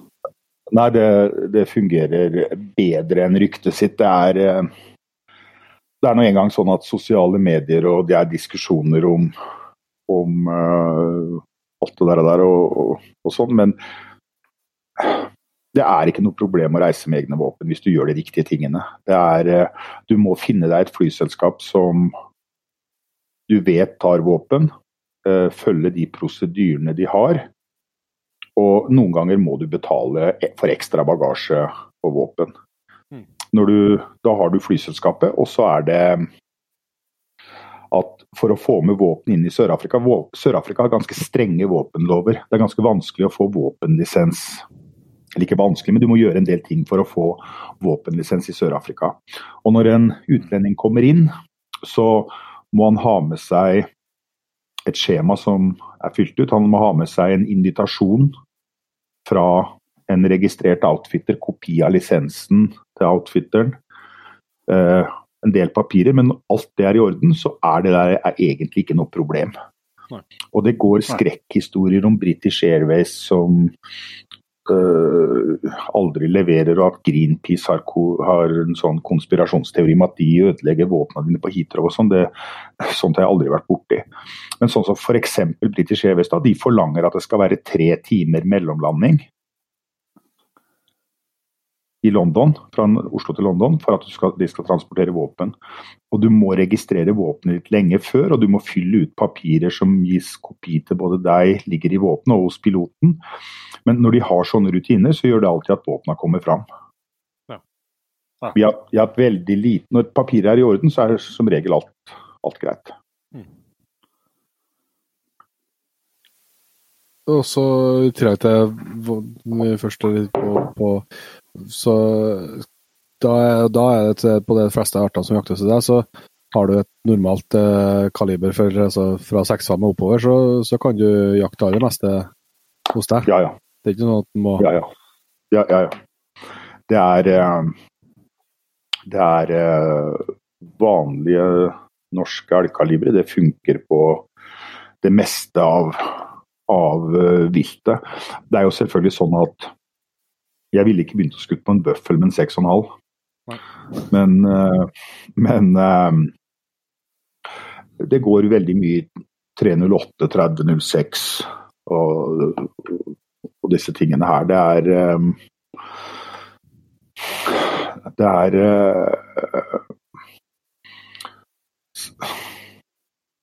Eh, det er liksom sagt mye om, om dette med at Sør-Afrika, eller afrikansk vilt, er så veldig mye mer skuddsterkt og, og, sånn. Og det kan være det, men det er helt marginalt. Det vanlige kløvviltet, impala, kudu, båtebukk, alle disse, de skaper sjelden problemer. Um, Kevin Robertson, som er en både veterinær og PH han har lagd en bok som heter The Perfect Shot. Den fins både for afrikansk vilt og så er det lagd en versjon for kanadisk amerikansk vilt. Med vitaldiagrammer og sånne ting. Så, men ofte så ligger vitalene litt lavere på afrikansk vilt, men det er helt marginalt. Det som han veterinæren sier, det er at uh, det afrikanske viltet har litt mindre væske i kroppen, så du får litt mindre ekspansjonsvirkning av kulene. Og så er de vant med å pumpe mer adrenalin, for de er vant med å beskytte seg mer mot rovdyr.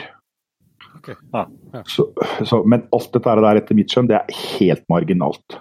Det er eh, på helt spesielle ting, sånn som hvis du skal skyte en sjiraff, da må du se an litt mer. Både med hensyn til kaliber og med vital plassering. Mm. Sjiraffen har hjerte og lunger veldig høyt og veldig langt fram. Hvis du prøver det der elgjegertrikset med å skyte bak boken for å spare kjøtt, da har du et vomskudd. Ja.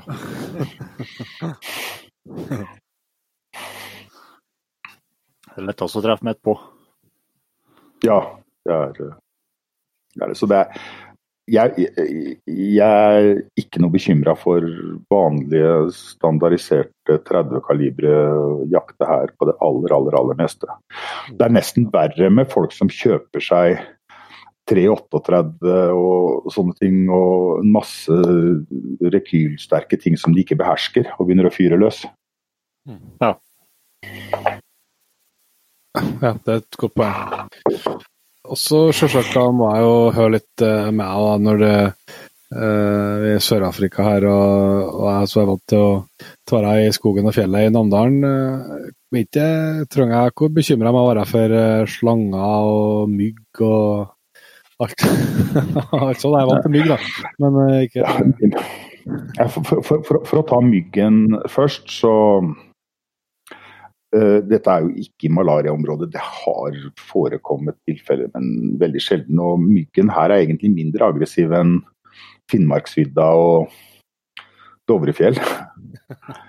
eh, slanger eh, kan jeg en del om. Jeg har gått på noen kurser hos African Snakebite Institute og kjenner godt en som heter Johan Maré, som er kanskje nummer én på reptile slanger i, i Sør-Afrika. Og slanger det er typisk en sånn greie som ingen kan noe særlig om, og som er farlig, og som det blir lagd masse rare historier om. Og guider som går, og de liker å fortelle om slanger som er ute etter deg. og Sånne ting. Det er, eh, men det er 173 forskjellige slangearter i Sør-Afrika. 20 av de er potensielt dødelige. Men det blir behandla 4000 bitt ca.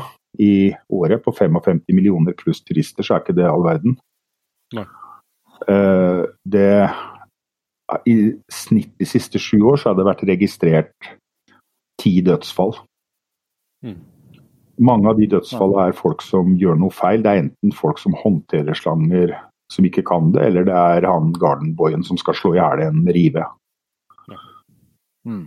Og det er bare to slanger. To slanger står for 80% av alle bittskadene uten at det har vært påvist dødsfall. Og bare to slanger, Black, Svart Mamba og Cape Cobra, har beviselig stått for dødsfall de siste sju år. Og jeg har holdt på her i 20 år og jeg har aldri blitt det som det meste handler med sånne ting, at turen fra flyplassen er mye skumlere enn Ja, ja. ja, ja, ja. ja. sånn som det er på alle, mulige Så- statistikker. Men du vet jo sånn at Ta f.eks. svart mamba, som er en av de giftigste slangene i verden, og sånn, men også en av de skyeste. Du skal være god for å komme inn på 20 meter. Men hvor mange eh, gjester som har kommet til meg og sagt at de har vært der og der, og de har tr nesten tråkka på en svart mamba, det er fordi at guiden har det er, det er veldig lett, det er veldig vanskelig å identifisere slanger. Mm. Og når du ser en gråaktig slange rett foran deg som kryper inn og kunden er redd, så er det klart at det er mye kulere å komme hjem og si at det var en svart mamba. Ja. Sjøl om det var en ufarlig mole snake. Så slanger er et, slanger er et veldig marginalt problem. Så jeg trenger ikke å være så bekymra for eh, slanger, skjønner jeg, og Magne, men eh, det er jo ikke en del annet vilt som eh, har lyst til å komme og ta meg. så det er skummelt. Ja, det er eh, Du vet, Afrika har jo fått liksom mye rykte for at det er farlig vilt og, og sånne ting. The Big Five het jo opprinnelig The Dangerous Five.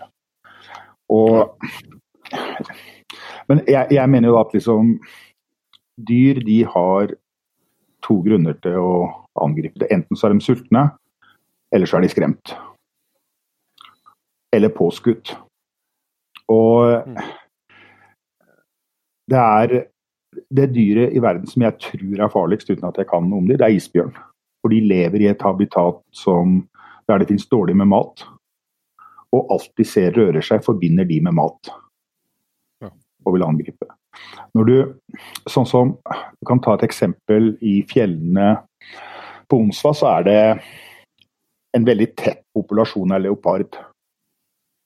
Uh, vi ser dem aldri. Uh, vi har uh, en ansatt som går og sjekker vann og forskjellig hver dag. Går, går ubevæpna. Vi går turer med, med folk uten våpen.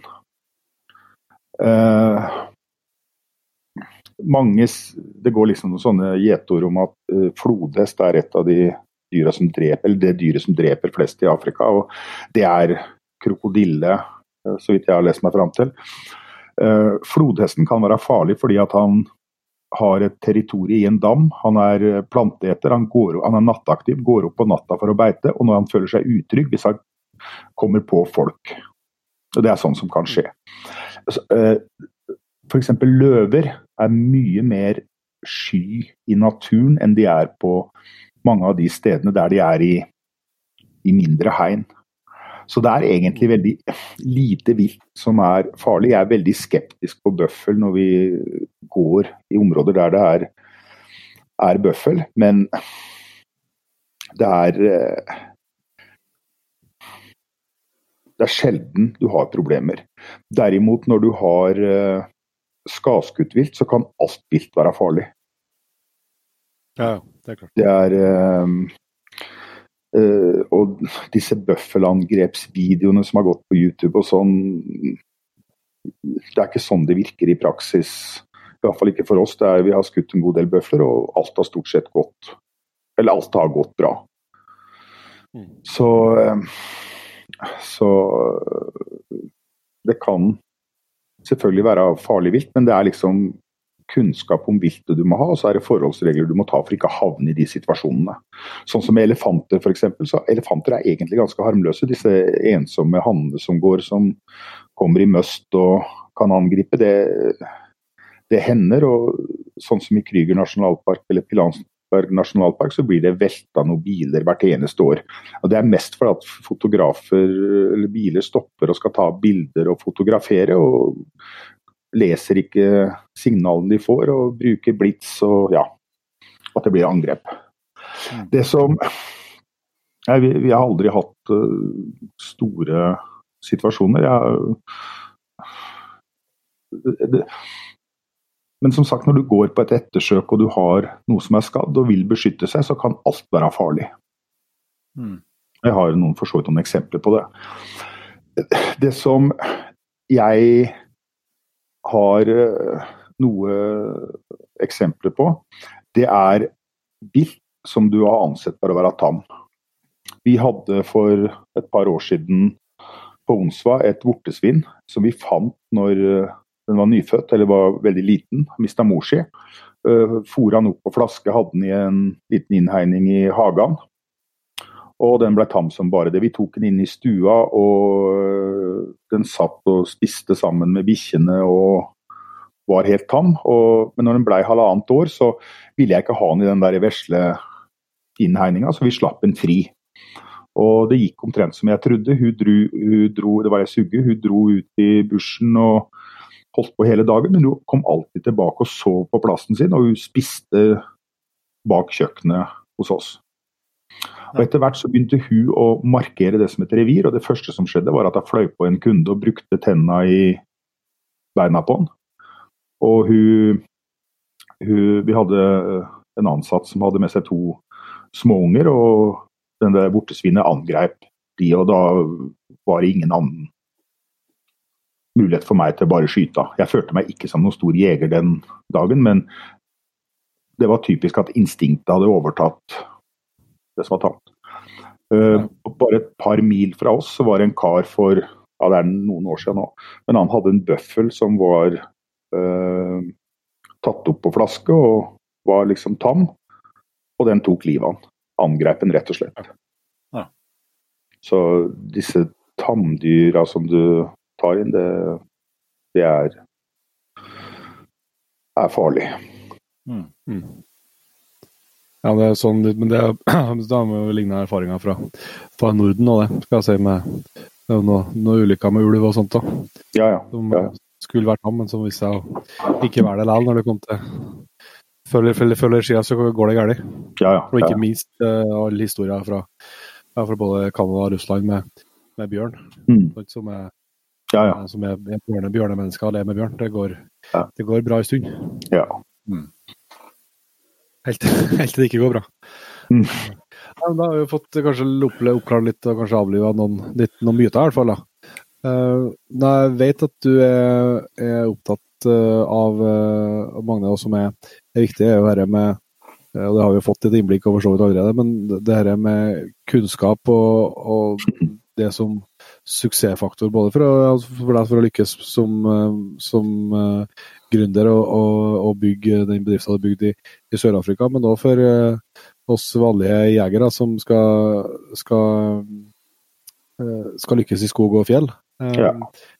Kan du fortelle litt om hva du, som, tankene dine omkring det der? Nei, uansett hva man driver med i verden, enten som hobby eller som yrke, så kunnskapen du har om det du driver med, vil jo gjøre deg bedre. Og det er, eh, det er også derfor når vi begynte å bygge opp her nede, så var det sånn at vi prøvde å lære av hverandre. Vi har brukt ganske mye tid på at alle guider skal lære av hverandre. Vi har små kurs, eller kan du si vi prater sammen. Sånn at alle har samme storyen. Sånn at du ikke går Du går med den ene guiden den ene dagen og den andre guiden den andre dagen, og du får forskjellige historier, og for noen har prøvd og tatt en sjanse. Og, og, det er det mye av. og Hvis du får nok kunnskap, så får du også sjøltillit til å si at du ikke veit hvis du ikke veit, og ikke bare tar en sjanse. Bare gi en røverhistorie. Mm, mm. Der, du har jo hatt uh, mye gjester som har, uh, som har fått ordet, uh, som har felt sine første vilt til dere? Ja, det har vi. Og det har jo Det har jo vært mye Det, har vært mye moro med det. er sånn at når det er en familie eller eller en større gruppe, så er det ofte sånn at en ledsager, mann eller kone, eller en sønn eller ei datter har lyst til å prøve å jakte. Og det har vi gjort, og da har jeg sagt at vi skal aldri gjøre det sånn at vi bare skal gå ut og skyte noe. Da skal vi ta med den som skal prøve seg, selvfølgelig på skytebanen, men også gå og spore litt, vise skuddplasseringsdiagrammer og prøve å tilføre noe kunnskap. Og jeg vet, ja, jeg vet ikke hvor mange debutanter jeg har hatt disse åra, men at det er over 100, det er jeg helt sikker på. Og det er ganske moro å se på når de skyter sitt første vilt og føler at de mestrer. Ja, det er stor opplevelse. Ja, stor opplevelse.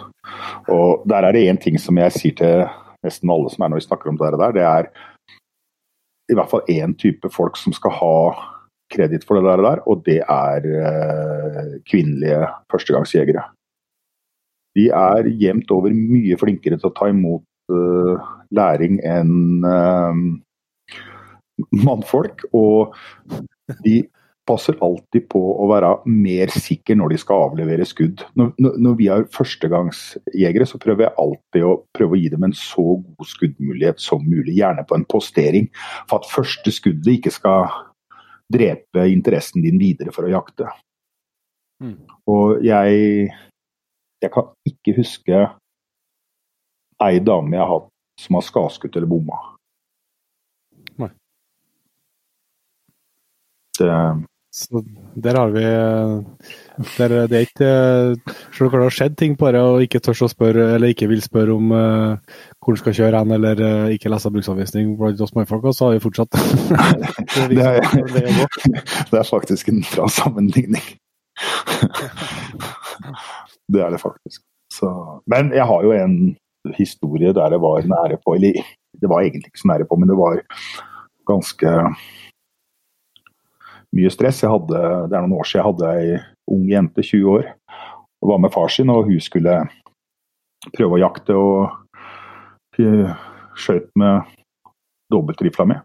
Og skjøt veldig bra på skytebanen, veldig flink og alt mulig. Og hun dro ut og skulle jakte.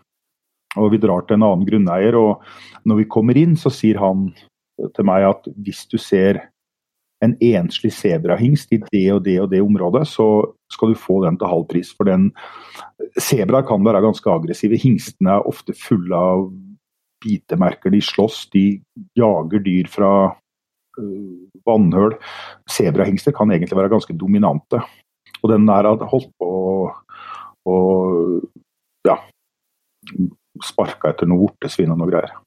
Men uh, og Jeg tar med meg hun jenta og drar bort på det området. Vi kjører rundt, og så ser vi sebraen. Vi går av bilen og begynner å smyge. og Vi har jo egentlig flere sjanser som jeg ville latt folk skyte på hvis de var rutinert, men jeg venta liksom helt til jeg fikk noe som jeg opplevde som en 100% med hun. Satte opp skytestokken og hun la den dobbeltrifla på skytestokken, og så sto han litt skrått, så jeg sa at uh, Anette, nå må du skyte litt bak bogen, for han skrår. Og hun skjøt, og jeg så med en gang på skuddreaksjonen at dette var bra.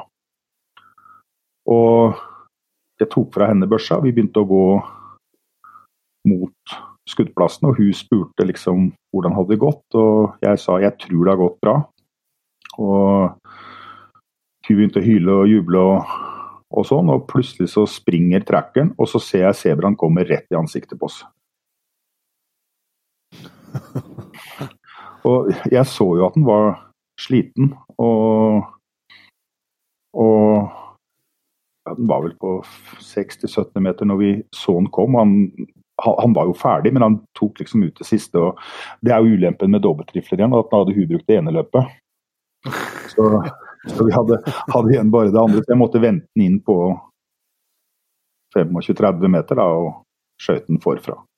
Og skuddet var jo dødelig, men det var en ganske dramatisk situasjon. Han, trackeren var jo en kilometer unna når det smalt, og jenta hun gjemte seg bak en liten tornebusk. Så. Men det gikk nå bra? Det gikk bra. Ja.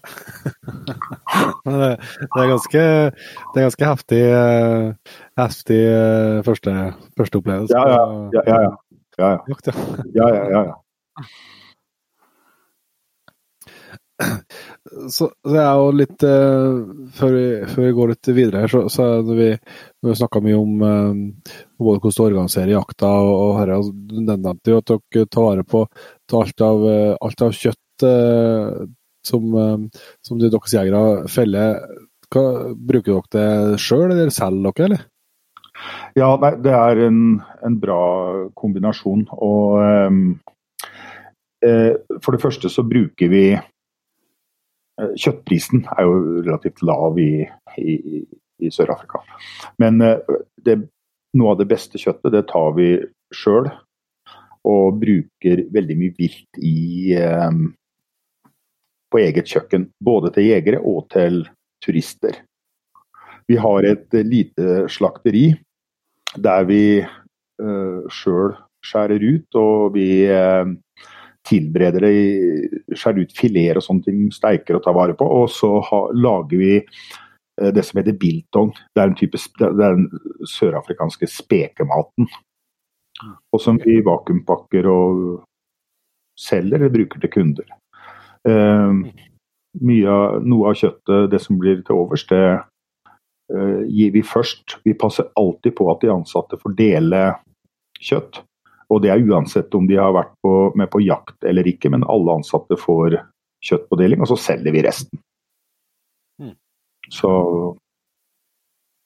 så kjøttet blir brukt. Eh, hva er favoritt eh, så, Eller først, da, hva, hva som eh, Hvordan er det Hvordan holder viltsmaken seg over kontinentene? Det kan du, kan du forveksle elg og antilope?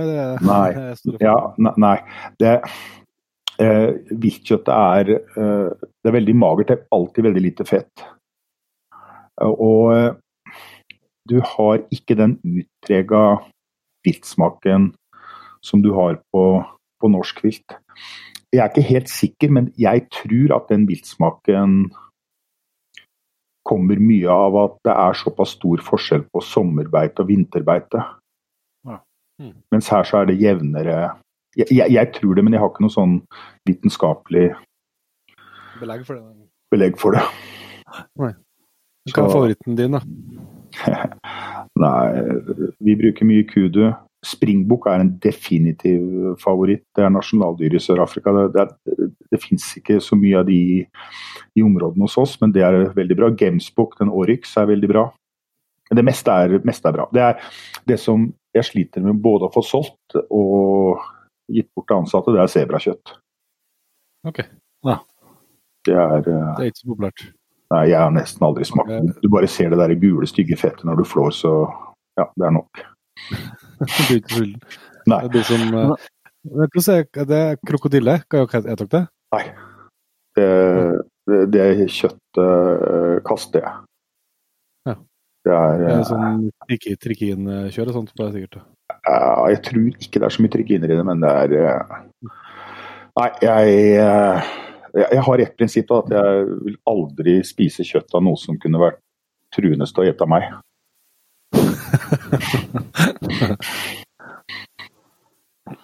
Men jeg tenker, når, når, det er, når det er, så, når det er så, så mange forskjellige kløv, kløvdyr som det er, som det er der, eh, er det liksom er det veldig lik smak på, på ulike kjøtt, eller er det, er det, liksom er det noen som utpeker seg som, som ekstra god? For det er sånn som Her til lands så er det jo, det er jo stor smaksforskjell på rådyr og hjort, f.eks.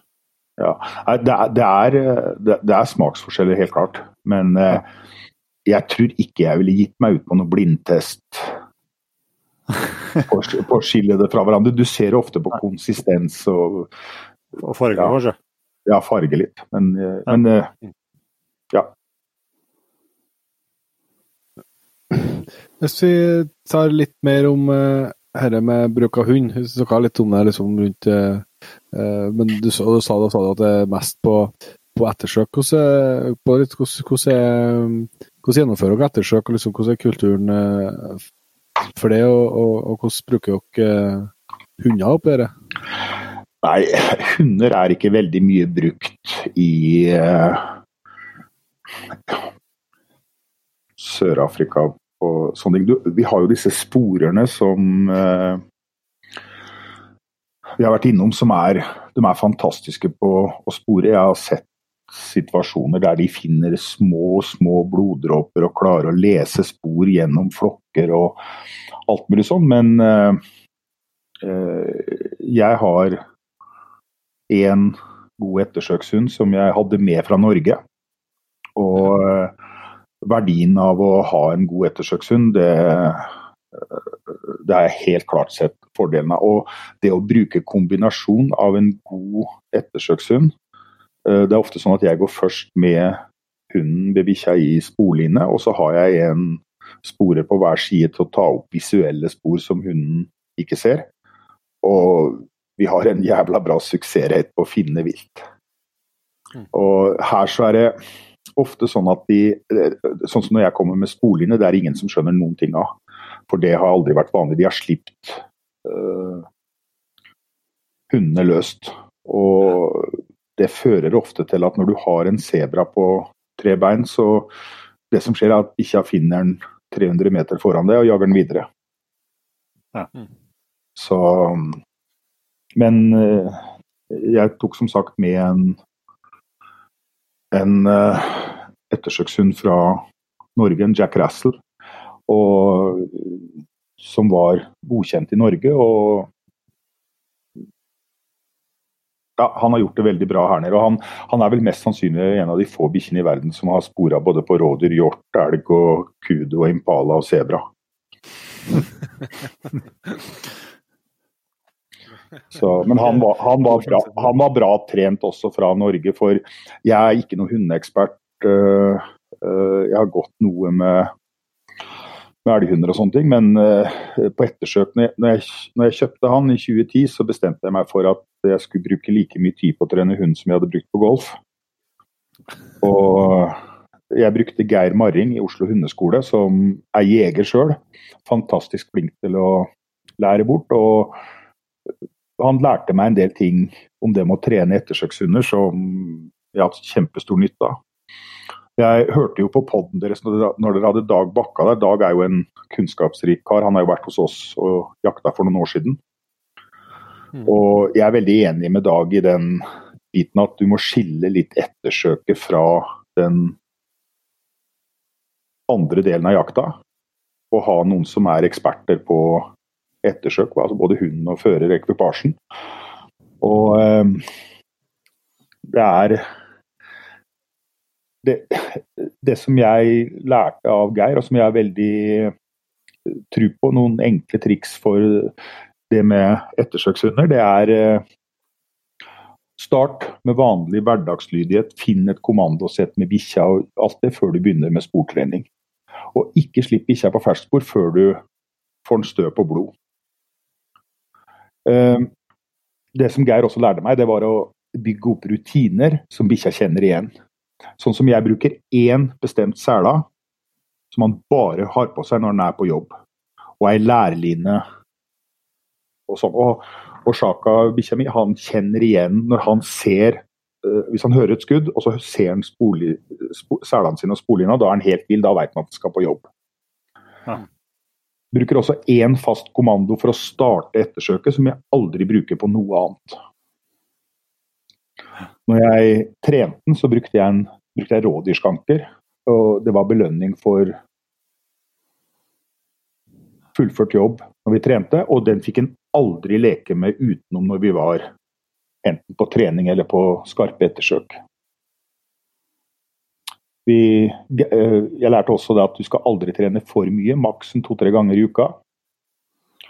Ikke bruke for mye blod, og gjerne la sporet ligge en natt før du går på det. Og, så, og det har jeg sett i praksis også, at du må stole på bikkja di. Bikkja går aldri, eller sjelden rett på bloddråpene, og folk har veldig lett for å prøve å styre de inn fra lukta de har, og inn på, på blodsporet når de går med de. Mm. Så det har funka for meg, og jeg tror det er bra. En ting som jeg veit forstyrrer, det er at når du er på ettersøk med hund, så må du holde kjeft. Ikke drive og prate til bikkja og mm. ja, nå var du flink og alt mulig sånn. La han jobbe og holde på. Mm. mm. Og det med å holde kjeft på ettersøk, det er jo noe man skulle lært seg alle sammen, for det er også en uting. Det er når du har påskutt vilt, så starter de ofte ettersøka altfor tidlig.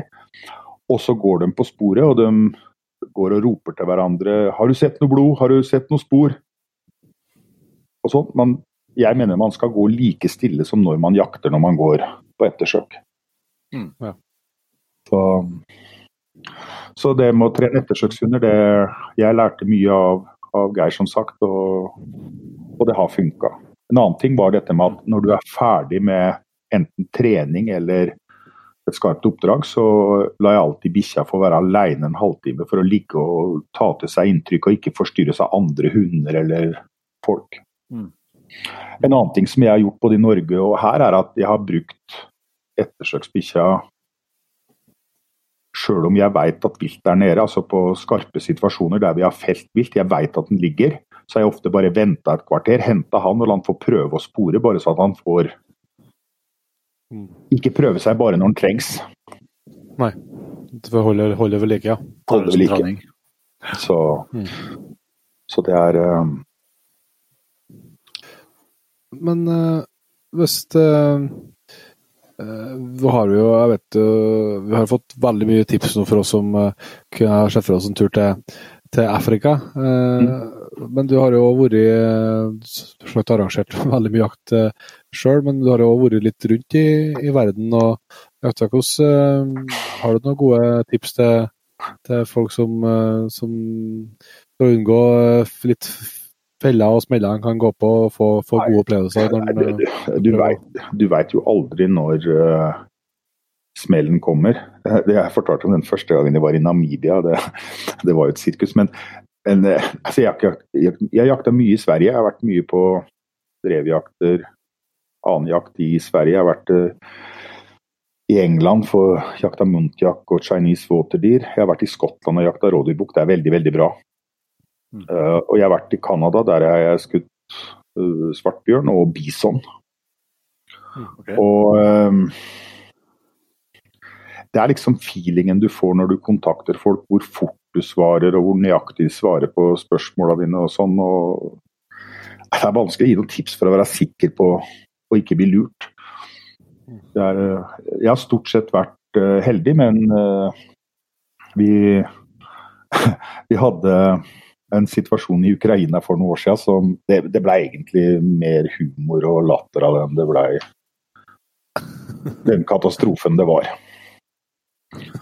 ja. Nei, altså, det som skjedde var at det var en kompis av meg som jeg hadde jakta mye sammen med. Han hadde vært i Kiev på en sånn storbytur. Mm. Og der han jo hadde han jo som mange andre brukt en drosjesjåfør som lokal guide til alt mulig. Og han drosjesjåføren han hørte at eh, denne karen var jeger, så ville han jo prøve å ordne noe jaktarrangement på en drosjesjåfør i Kiev. De eh, er interessert i alt de kan tjene penger på. Og um, historien var at han karen ble med ned til Han drosjesjåføren tok en med ned til Odessasjøen og fant et jaktterreng som ja, han kompisen min syntes så veldig, veldig bra ut. Og han eh, som eide stedet der, kjørte han rundt, og de så en del vilt. og De prata sammen, og han spurte om ikke Lars kunne prøve å ordne en gruppe med nordiske jegere til å komme ned, da. Og eh, det, det Alt dette gikk jo med han drosjekusken som eh, tolk. Og eh, så kommer han hjem til Norge, og så ringer han meg og spør skal vi lage en tur til Ukraina og fortalte hele historien. og Kanskje vi skulle selge jakter. Jeg sier jeg vil aldri bli noen jaktagent, jeg skal bare drive med Afrika. Men vi kan lage en tur, og så blir vi ned. Og vi fikk en veldig god pris. trone ti jegere. Fikk en pris med overnatting, og det skulle være alt inkludert. Fellingsavgifter og alt mulig sånn. Og vi dro til Ukraina. Og vi ble henta på flyplassen av han der eh, drosjesjåføren. Da satt i en minibuss og begynte å kjøre. Jeg hadde aldri vært i Ukraina før. Men når vi hadde kjørt et par timer, så er det en kar fra Lesja som var med. Han sitter og ser på kartet, og så spør han meg skulle ikke vi til Odessa, sa han. Jo, sier jeg, det var det som var bilen.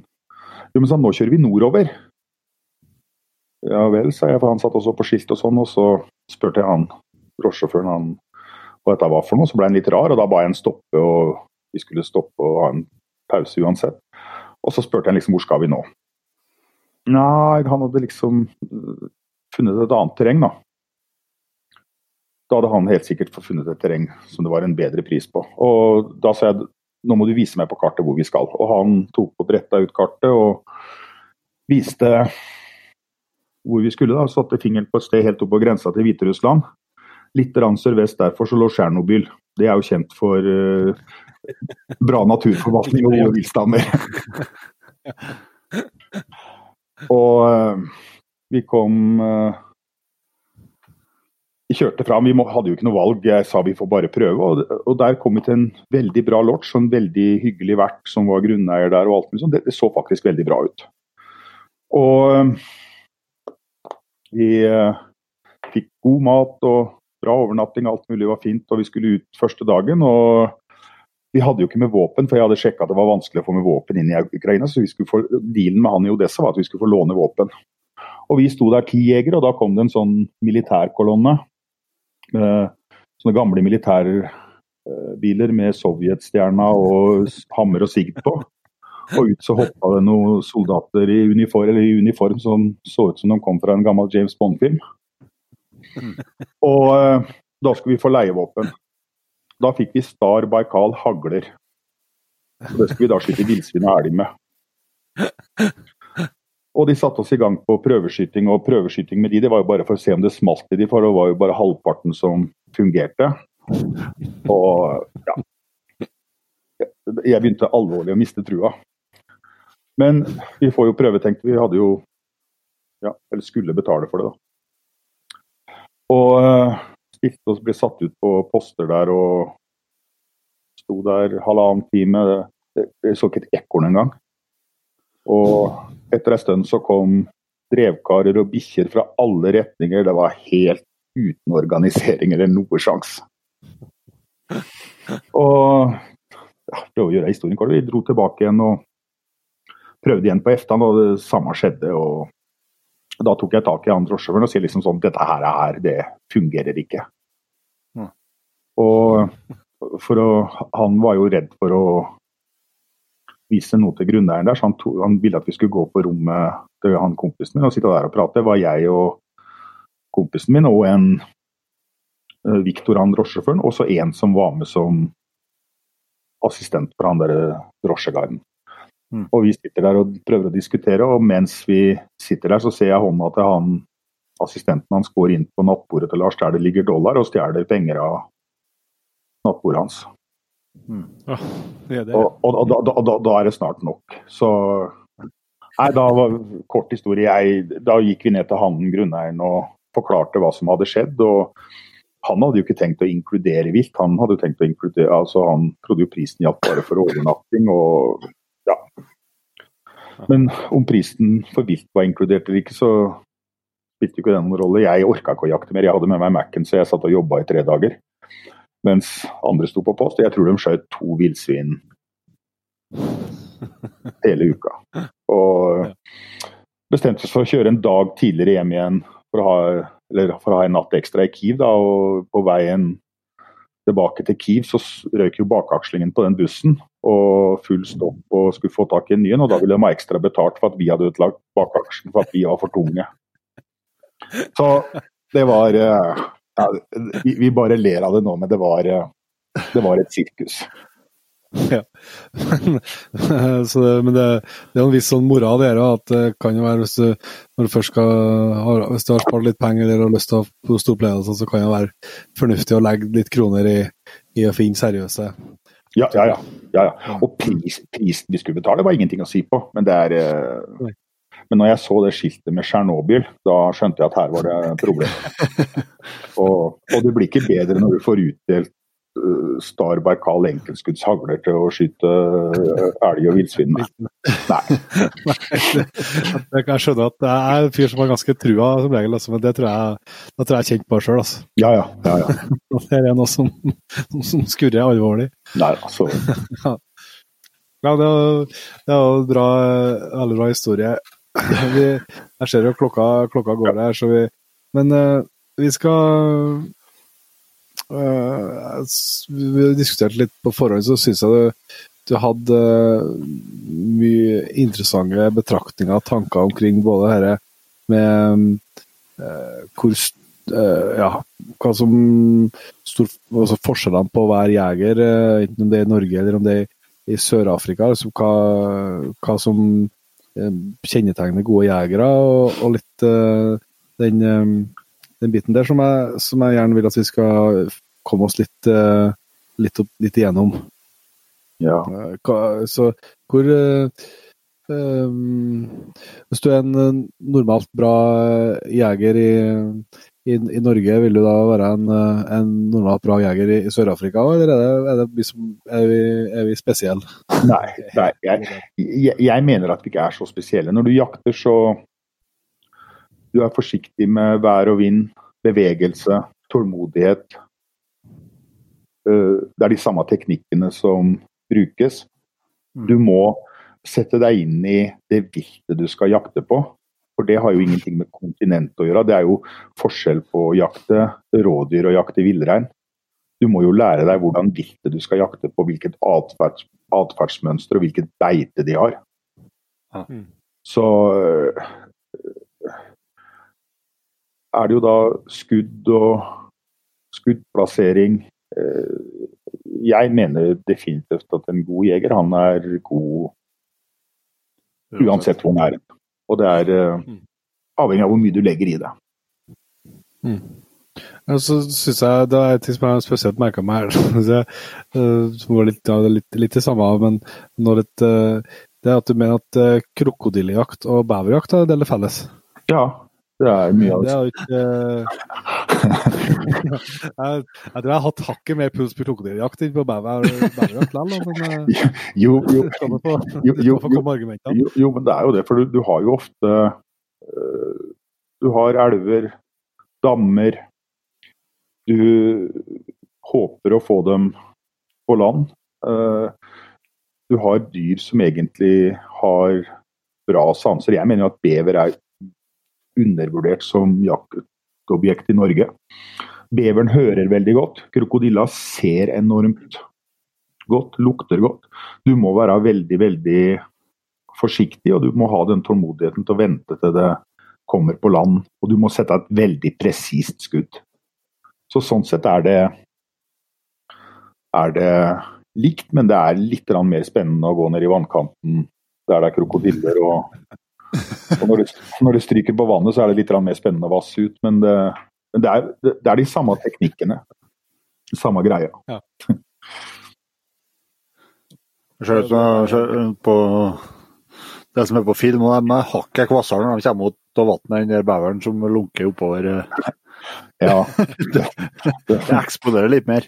ja det gjør det. det, Hvor gjør det. stor er krokodillene? Nei, det er De kan jo bli veldig, veldig store. De kan jo bli seks-sju meter og veldig tung. Det er veldig mye av det som uh, vi har når vi jakter, så ligger de på rundt tre meter. Mm. Ja. Så En stor, stor bever, det. ja. en stor bever. Det er kro- krokodille. Det ser det ser tøft ut også. Det må jeg bare si.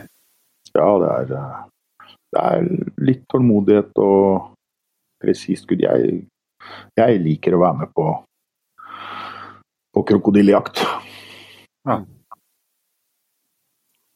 Men, eh, Vi har ikke vært inn på det før, eh,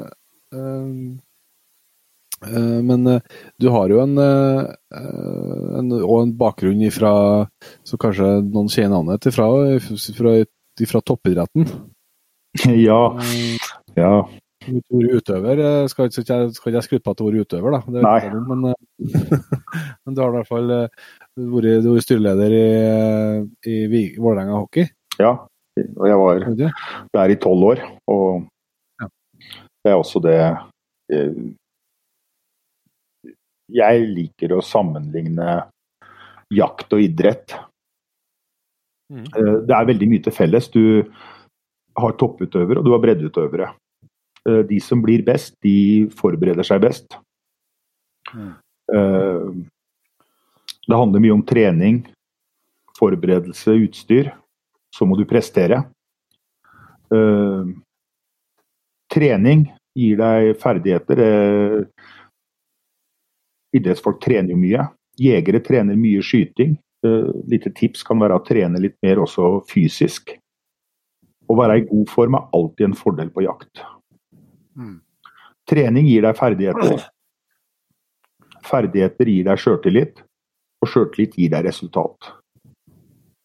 Det er, eh, det er uh, veldig sammenlignbart, mener jeg, mellom idrett og, og, og jakt. Og, og, dette med, med utstyr. Mm. Eh, du har også en annen sammenligning som jeg har tenkt mye på. Det er liksom det at du har lagspillere og du har individualister. Ja, ja. Du har På et elglag så har du de som tar en for laget og sånn, og du har de som blir grinete hvis de skyter kvota de ikke fikk skutt på posten sin. Mm. Det er ofte de samme som ikke blir med og drar ut og slakter. men, du, men du har jo de, de som er De laga som har en fast stamme med folk år etter år, noen som bærer kontinuiteten videre, tar til seg nye, de og jobber som et lag, de gjør det ofte bedre. Mm. Så så det er mange likheter mellom idrett og også det med at det er målbare resultater. Enten så vinner du eller taper en kamp, eller så feller du en elg eller ikke. Mm. Det er altså, det som du er inne på med lagspiller, som jeg vet du snakka om eh, Kall det dette med eh, for et bilde på altså, med garderoben og, og leirbål. da Mm. Der er jo noen noe, noe, noe likhetstrekk og noe, noe, felles, tenker jeg. Med, rundt eh, altså at du har eh, ja, historiene eh, som man skaper i lag.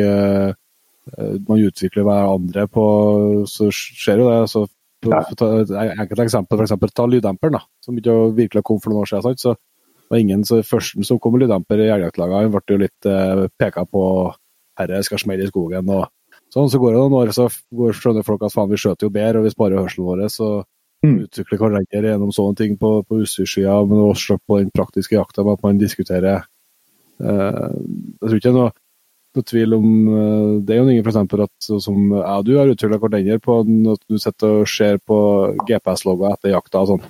Mm. Mm. Diskuterer hva, vi, hva skjedde der, og hvorfor sto vi ikke der, og, og, og liksom tar eh, som er, er, superinteressant når du er interessert, men det er klart at uh, dere utvikler, utvikler hverandre, da. Ja, ja. så er det jo var det de som oppfatter det som, som da, og sett og evaluerer så galt i ettertid. Ja. Men det, men det, er også viktig alltid, både i idrett og jakt, å lære litt av hva man har gjort feil. Ja. For uh, det er jo liksom noen som tror det at å ha en vinnerskalle eh, det er å ikke tåle å tape, men å kaste køller og utstyr og være rasende. Og jeg har faktisk vært med en på jakt en gang som bomma, som tråkka rifla si ned i ei myr og skulle slutte. Ja. Og, og, det er også liksom Når det ikke går helt som du skal, så det, handler det om å forstå hva du gjorde feil, og ja. trene og gjøre ting for å bli bedre til neste gang. Mm. Det er det som jeg tror hjelper. Ja. Og så ja, så er det som sagt litt med garderoben og leirbålet. Det er et eller annet der om hvordan, ja, hvordan historier skape dem sammen, eh, og hvordan de kan, kan, kan leve sitt eget liv. At du hadde en historie som eh, du nevnte fram på Magne rundt eh, et ettersøk, som har blitt gjenfortalt av en annen en. Altså, der ting har forandra seg litt. Kan du fortelle oss litt om det? Ja, eller ikke egentlig forandra seg. Men det, er, men det er sånn at eh, leirbål og garderoben er jo mye av det samme. Du krangler om prestasjoner og utstyr, og du har historier som går videre, føres, forbedres, og folk tar eierskap til. Og det er jo de samme Jeg husker ikke hvem historie du, du eh, tenkte på, men jeg vet jeg har en historie som hendte oss for mange, mange år siden, som egentlig og eh, jakta. Og han skulle skyte en eland. Eland er jo den største antilopen du finner i Afrika. Den kan jo ha en levende vekt på 800-900 kilo. Mm. Og dette var et voldsomt eksemplar. Eh, og han skjøt på den. Dette var på et annet terreng enn vårt eget, og vi leiejakta jo der.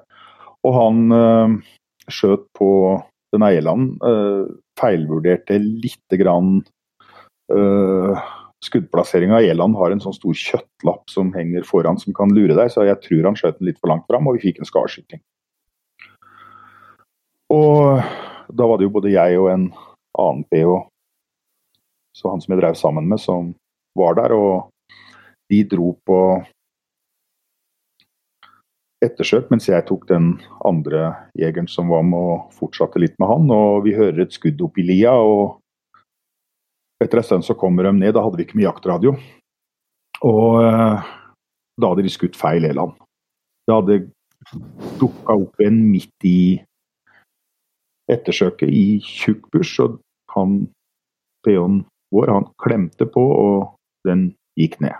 Og det var feil. Og vi må jo betale for det vi legger ned, så det var jo Og Eland var, har jo alltid vært relativt, eller ikke veldig dyrt, men det kosta en del, da. Og vi måtte gi oss for dagen, og han, gjesten han skulle hjem dagen etterpå. Og jeg skulle være igjen. Eller jeg var jo fortsatt i Afrika, så jeg sa til ham at den elanden som vi skjøt på, det er noe av det største vi har sett. Så jeg skal dra bort der igjen og prøve å få den ned, så vi i hvert fall får, får horna.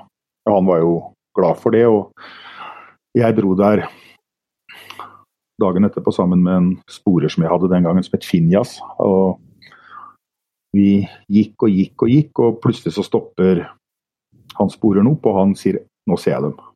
Nå ser jeg den. Og jeg gjorde meg klar, satte opp skytestokken og 375 sto med kikkerten, og der så jeg også en eland etter han. Og jeg gjorde meg klar til å ta den. og så spør jeg er du helt, helt, helt sikker. Ja, ja, sant, jeg ser blod, jeg ser blod. Så jeg satte 375 på, når skjøt den, og denne gikk jo ned, da. Og der spratt det opp en til og dro av gårde. Og da skriker Finjas 'not that one', 'not that one'. Ja, det var Så da rant jo både penger og sjøltilliten. Så, så, det var Ja, det var katastrofe. Og, men det morsomme var at ja, dette var en gigantisk eland. og som det Ikke om historien om at jeg skjøt, eller at vi skjøt feil dyr, men at denne var så voldsomt stor. Den begynte å gå i det lokale jegermiljøet. Et år etterpå så satt jeg ved bålet sammen med en PH vi hadde leid inn. Og han sitter og forteller meg at jeg skulle bare sett den store elanden som de skadskjøt der i fjor. Det er den største han har sett. Og jeg måtte jo bare si at jeg er helt sikker på at det er sånn, for jeg var der, og der var ikke du. så det er jo Det er jo en eh, Så, så, så kan det jo gå hvis en får legge på og forfine litt. Ja, ja, ja. Men det, og det med å skyte opp feil vilt, det har jeg faktisk gjort et par ganger til. Det, det er fort gjort i tjukk bush. ja. ja, og så, og så eh, de, de, andre gangene så er det jo rette viltet en skjøt på. Ja, ja, ja. Så det, ja, ja. Så, så det, ja, ja, jo opp. Ja, ja. Men uh, før vi går inn for, uh, for landing, uh, mange, så har jeg lyst til å innom en, et tema med deg. Uh, for at jeg tenker du har litt tanker omkring det. Vi har jo siste igjen fått litt ny runde med litt sinte folk som ikke vil at den skal jakte gaup. og fått sett hva de syns om oss. og det, det er jo er jo historie for deg sjøl, men, men, det er klart at dette har jo absolutt uh, Afrikajakta vært utsatt for i, i enda større uh, i enda større utstrekning. Det har vært noen voldsomme kampanjer mm. som har rett og slett gått globalt. Ja. Og, og, det diskuteres, så det er noen sånne um, jeg har sett noen rapporter sånt, som, som viser liksom viktigheten av altså, Som selvsagt er kontraintuitivt å forstå. Eh, at eh, det å jakte på en art eh, kan eh, faktisk berge arten. Mm. Eh, men, eh, men, som er, er, veldig godt dokumentert hva, hva, hva, merker du av dette i, i hverdagen, uh, du? Nei uh,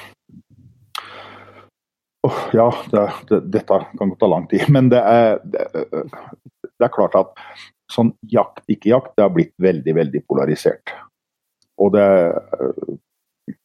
er sånn enten-eller. Og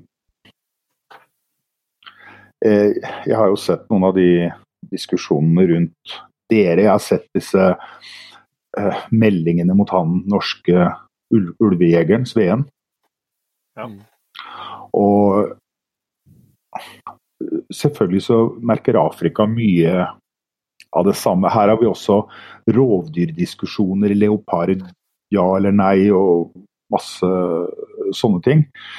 Um, så det er klart vi merker det her. Vi hadde jo en sak for ah, det er noen år siden, det var sikkert 2014-2015. Så var det jo et stor internasjonal oppslag om uh, jenta uh, Kendal, Kendall, Jones. Ja. Som uh, hadde jakta i Afrika, ei ung jente, amerikansk, og hun hadde skutt ei løve. Hun hadde vært med og darta et neshorn, vært masse greier med hun og som skapte internasjonal For hun posta alt på, på, Facebook.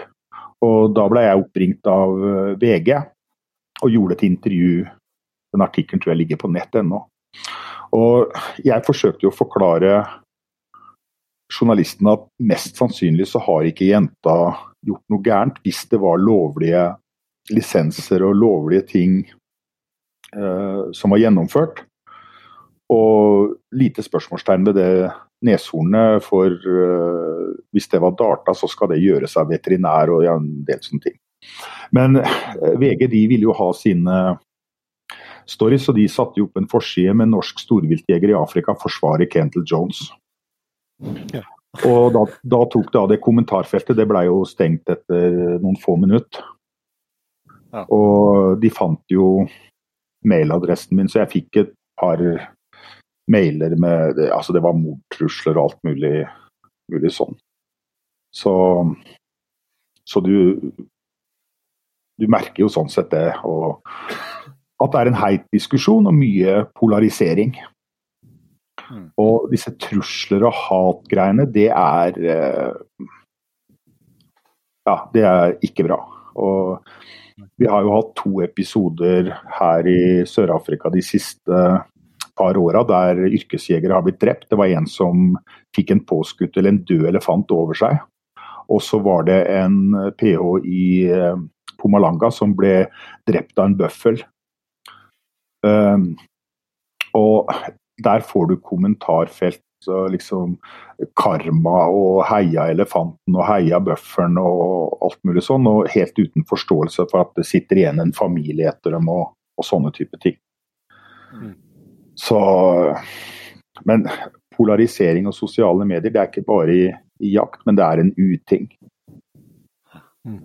Og, ja, det det. Ja, det og, og dere, det er en sånn eh, også klart at det er kanskje i en del tilfeller er jo påvist ekstremister man snakker om her, så at uh, uansett hvordan du sier hvordan debatt eller uh, hva det hvordan sendes, så er det alltid er det alltid problematisk. Og, og, og det er akkurat det noe du sa, så kom jeg på, kommer på en kommentar veldig godt av fra når vi bodde i, i Sverige og den, eh, kanskje den måtte skjøte en, en bjørn i sjøforsvar. Mm. Um, og da det er en kommentar som akkurat som jeg minner som, som var sånn der det sto uh, ordrett at uh, hvordan i all verden tenker du at et liv har mer, har mer verdi enn en bjørn? Mm. Og liksom når man begynner å ha et sånn uh, syn, altså da er det da er man virkelig uh, langt ut på, langt ut på viddene. Mm. Um, ja, men, men du, du, du, nevnte jo helt innledningsvis med, med Botswana.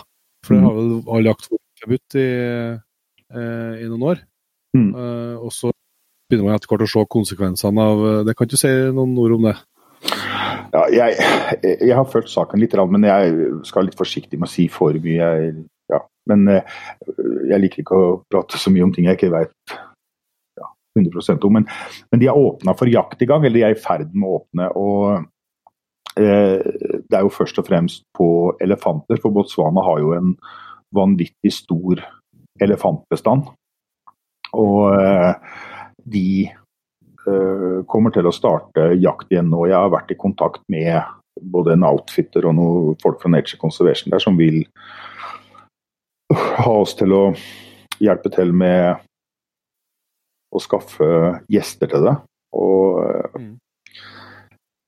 at det trengs avskyting av elefanter i eh, Botswana er jeg ganske overbevist om i forhold til hva de ødelegger av avling og det antallet som er det. Jeg tror de snakker om et par hundre tusen elefanter i Botswana. Det bor to, to millioner mennesker her. Det betyr at det går ti svaner på hver elefant. Mm. Så, eh, så, men hele det som skjer i Botswana nå, så er det et veldig sånn misforhold. For noen av de som skal arrangere jakta, de tror de kan få hundretusenvis for en elefantjakt.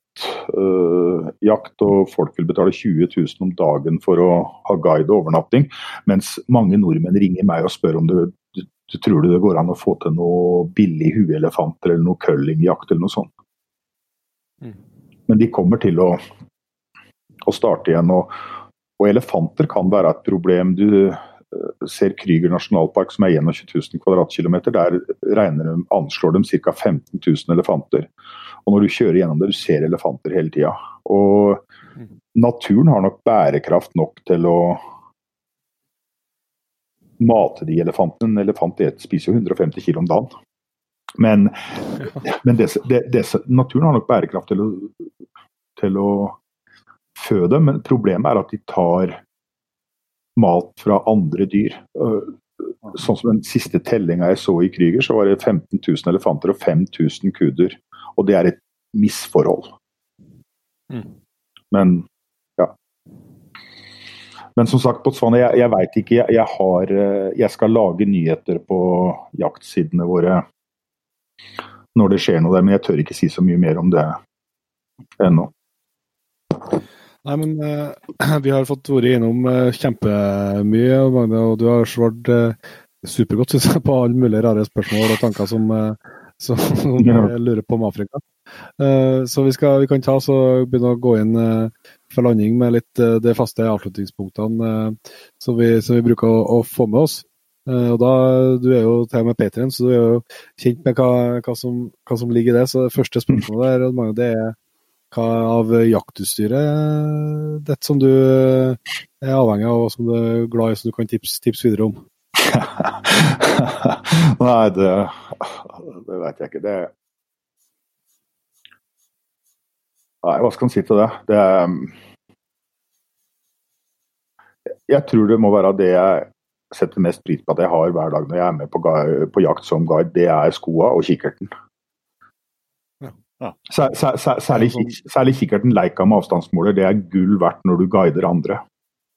Mm. Ja. Det å kunne ta korrekt avstand og. Ha en fasit. Ja. Så det må være skoa og kikkerten.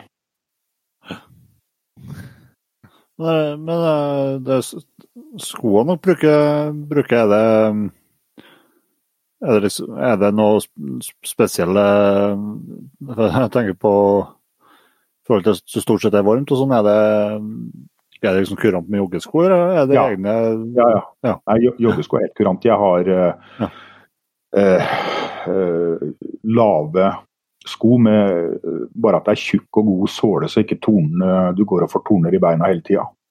Og så bruker jeg gamasjer for å slippe alt det der grasfrøet og alt det der småtteriet på sokkene. Mm, mm. Men god såle og god, ikke noe høye jaktstøvler, det er, eh, det er for varmt å gå med. Ja, ja, ja. Og så hvis du skal, hvis du skal servere oss det Du har jo kommet med mange, mange gode tips allerede, men uh, hvis du skal komme med ditt uh, beste jakttips? Nei, vi har snakka litt om det. Jeg får nesten sitere en sørafrikanske golfspilleren Gary Player. Han sa at uh, golf handler mest om flaks, men det mer du trener, det heldigere blir du. og, og, og, sånn er det litt med jakt. Og, og jeg har hørt på de andre i poden som har snakka, det, det, er jo de samme tingene. Tålmodighet, kunnskap, trening, sett deg inn i viltet. sånne ting. Og en ting som jeg gjerne vil legge til, og som jeg syns at folk skal tenke mye mer på, det er tenk våpensikkerhet. Mm. Mm. Når du har jobba som, som, guide noen år, så har du, du begynner å bli lei av sikringer som folk som driver og leker med sikringa, har børsepipa stående i ryggen din. Og, mm. Jeg har hatt skudd som har gått av mens de har stått og tatt børsa ut av bilen og ja. Det er Det kan skje alle. Og jeg har to eksempler her nede. Det ene ganske nylig der rutinerte lokale jegere her, da, men som aldri ville hørt på argumentet om våpensikkerhet, som har skutt seg sjøl. Den ene veit jeg ikke hva som skjedde, den andre når han skulle sette børsa inn i våpenskapet. Så tenk våpensikkerhet, det er noe av det viktigste som fins. Mm. Ja. Det, er et, det, er, det er et, godt tips. uh, og så uh, lurer vi på Du har jo uh, gjort veldig mye spennende på jaktfronten gjennom livet, Odd Magne. Men er det noen, er det noen jaktdrøm som, som, ligger og lurer, som du ikke har fått gjennomført ennå, eller? Nei, du vet Når du jobber og er yrkesjeger, så På meg så virker det i hvert fall sånn at jeg jakter ikke så mye sjøl. Og jeg har liksom ikke noe sånn Jo, kanskje. Men jeg har i hvert fall én art som jeg aldri skal jakte. Mm -hmm. Og det er neshorn. Ja. ja. Neshorn står jo på Big Five-lista, og det er bare Sør-Afrika som gir lisenser på det. det. det. svarte neshornet var egentlig det som var under The Dangerous Five. Det hvite neshornet som det tillates jakt på nå, er jo et ganske uskyldig dyr, veldig lite aggressivt. Jeg har gått fotsafari og vært inne på ti meter.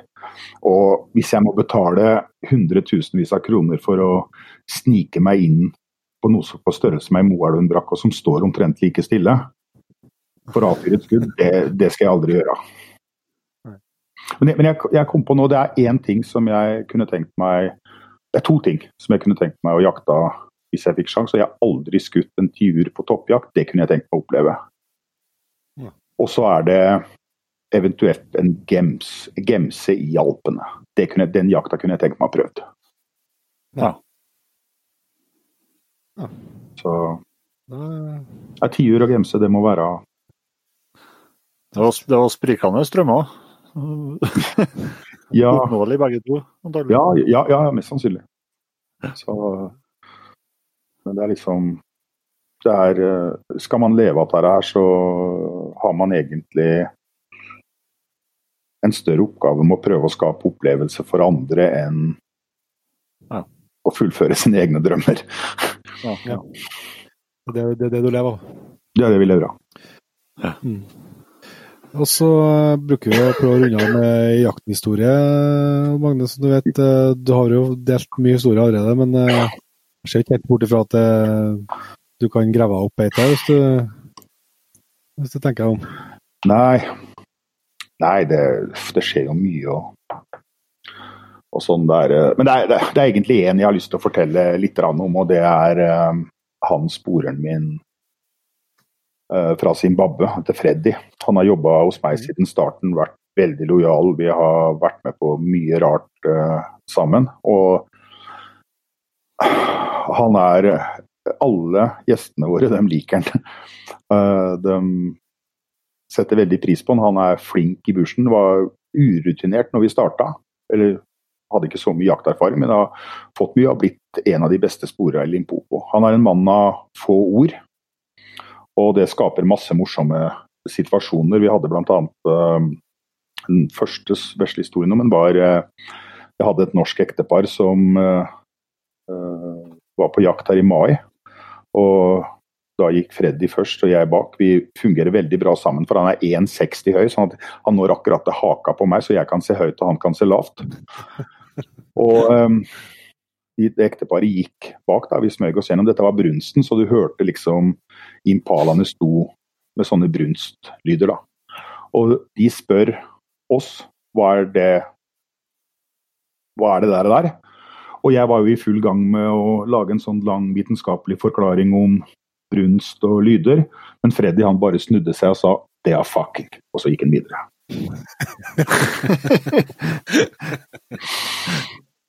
så ellers så er jo mange mange år tilbake når Freddy fortsatt var Han, han, han ble egentlig ansatt fordi han var skinner, men uh, etter hvert så, så fikk han mer og mer med jakt å gjøre og har blitt veldig veldig flink.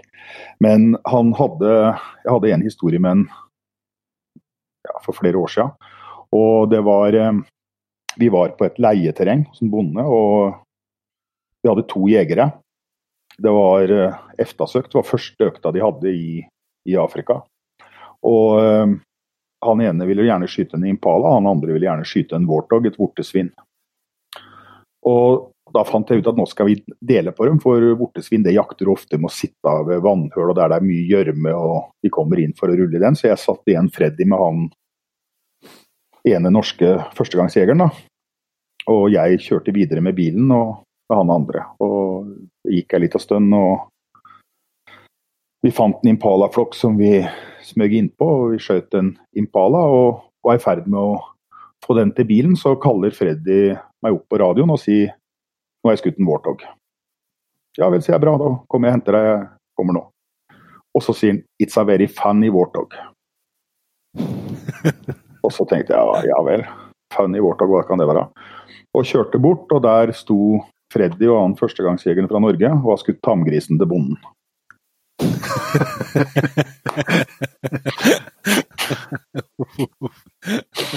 så heldigvis så tok han bonde med godt humør, og det blei ble en veldig morsom story. Nå skal det sies at dette var ikke en sånn lysgris, dette var en av disse mørke, svart gråaktige, så, og det var begynte å bli mørkt, men det var mulig å se forskjell.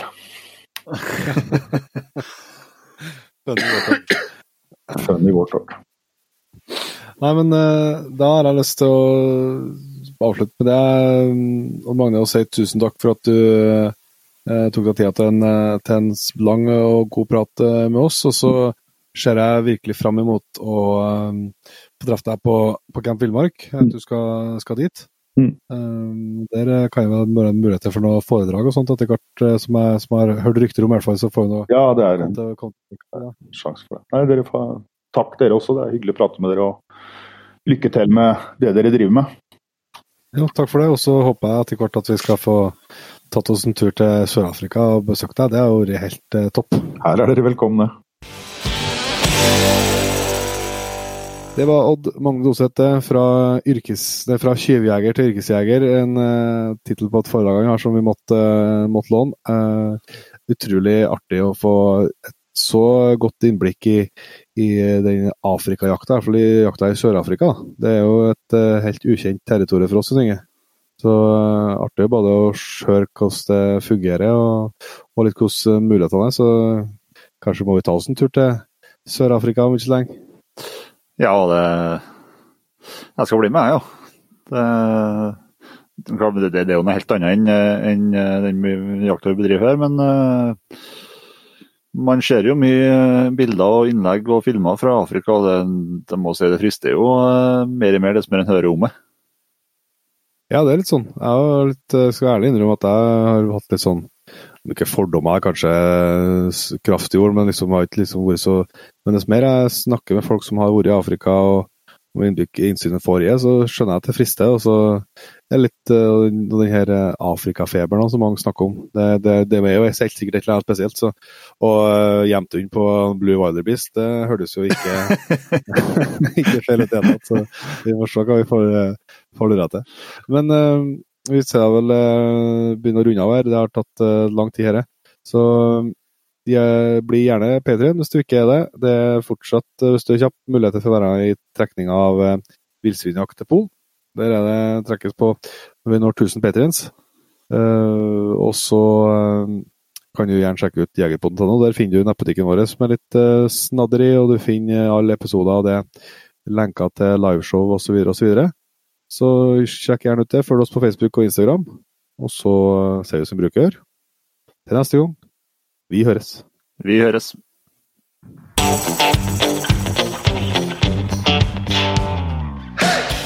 Tusen hjertelig takk for at du valgte å bruke litt av tida di på Jegerpodden. Sjekk ut jegerpodden.no eller eh, din favoritt-podkastspiller for enda mer innhold og flere episoder. Følg også Jegerpodden på Facebook og Instagram, og ikke minst, husk å fortelle alle gode venner, familie og tilfeldige forbipasserende om Jegerpodden, sånn at vi får spredd det glade budskap videre. Vi høres.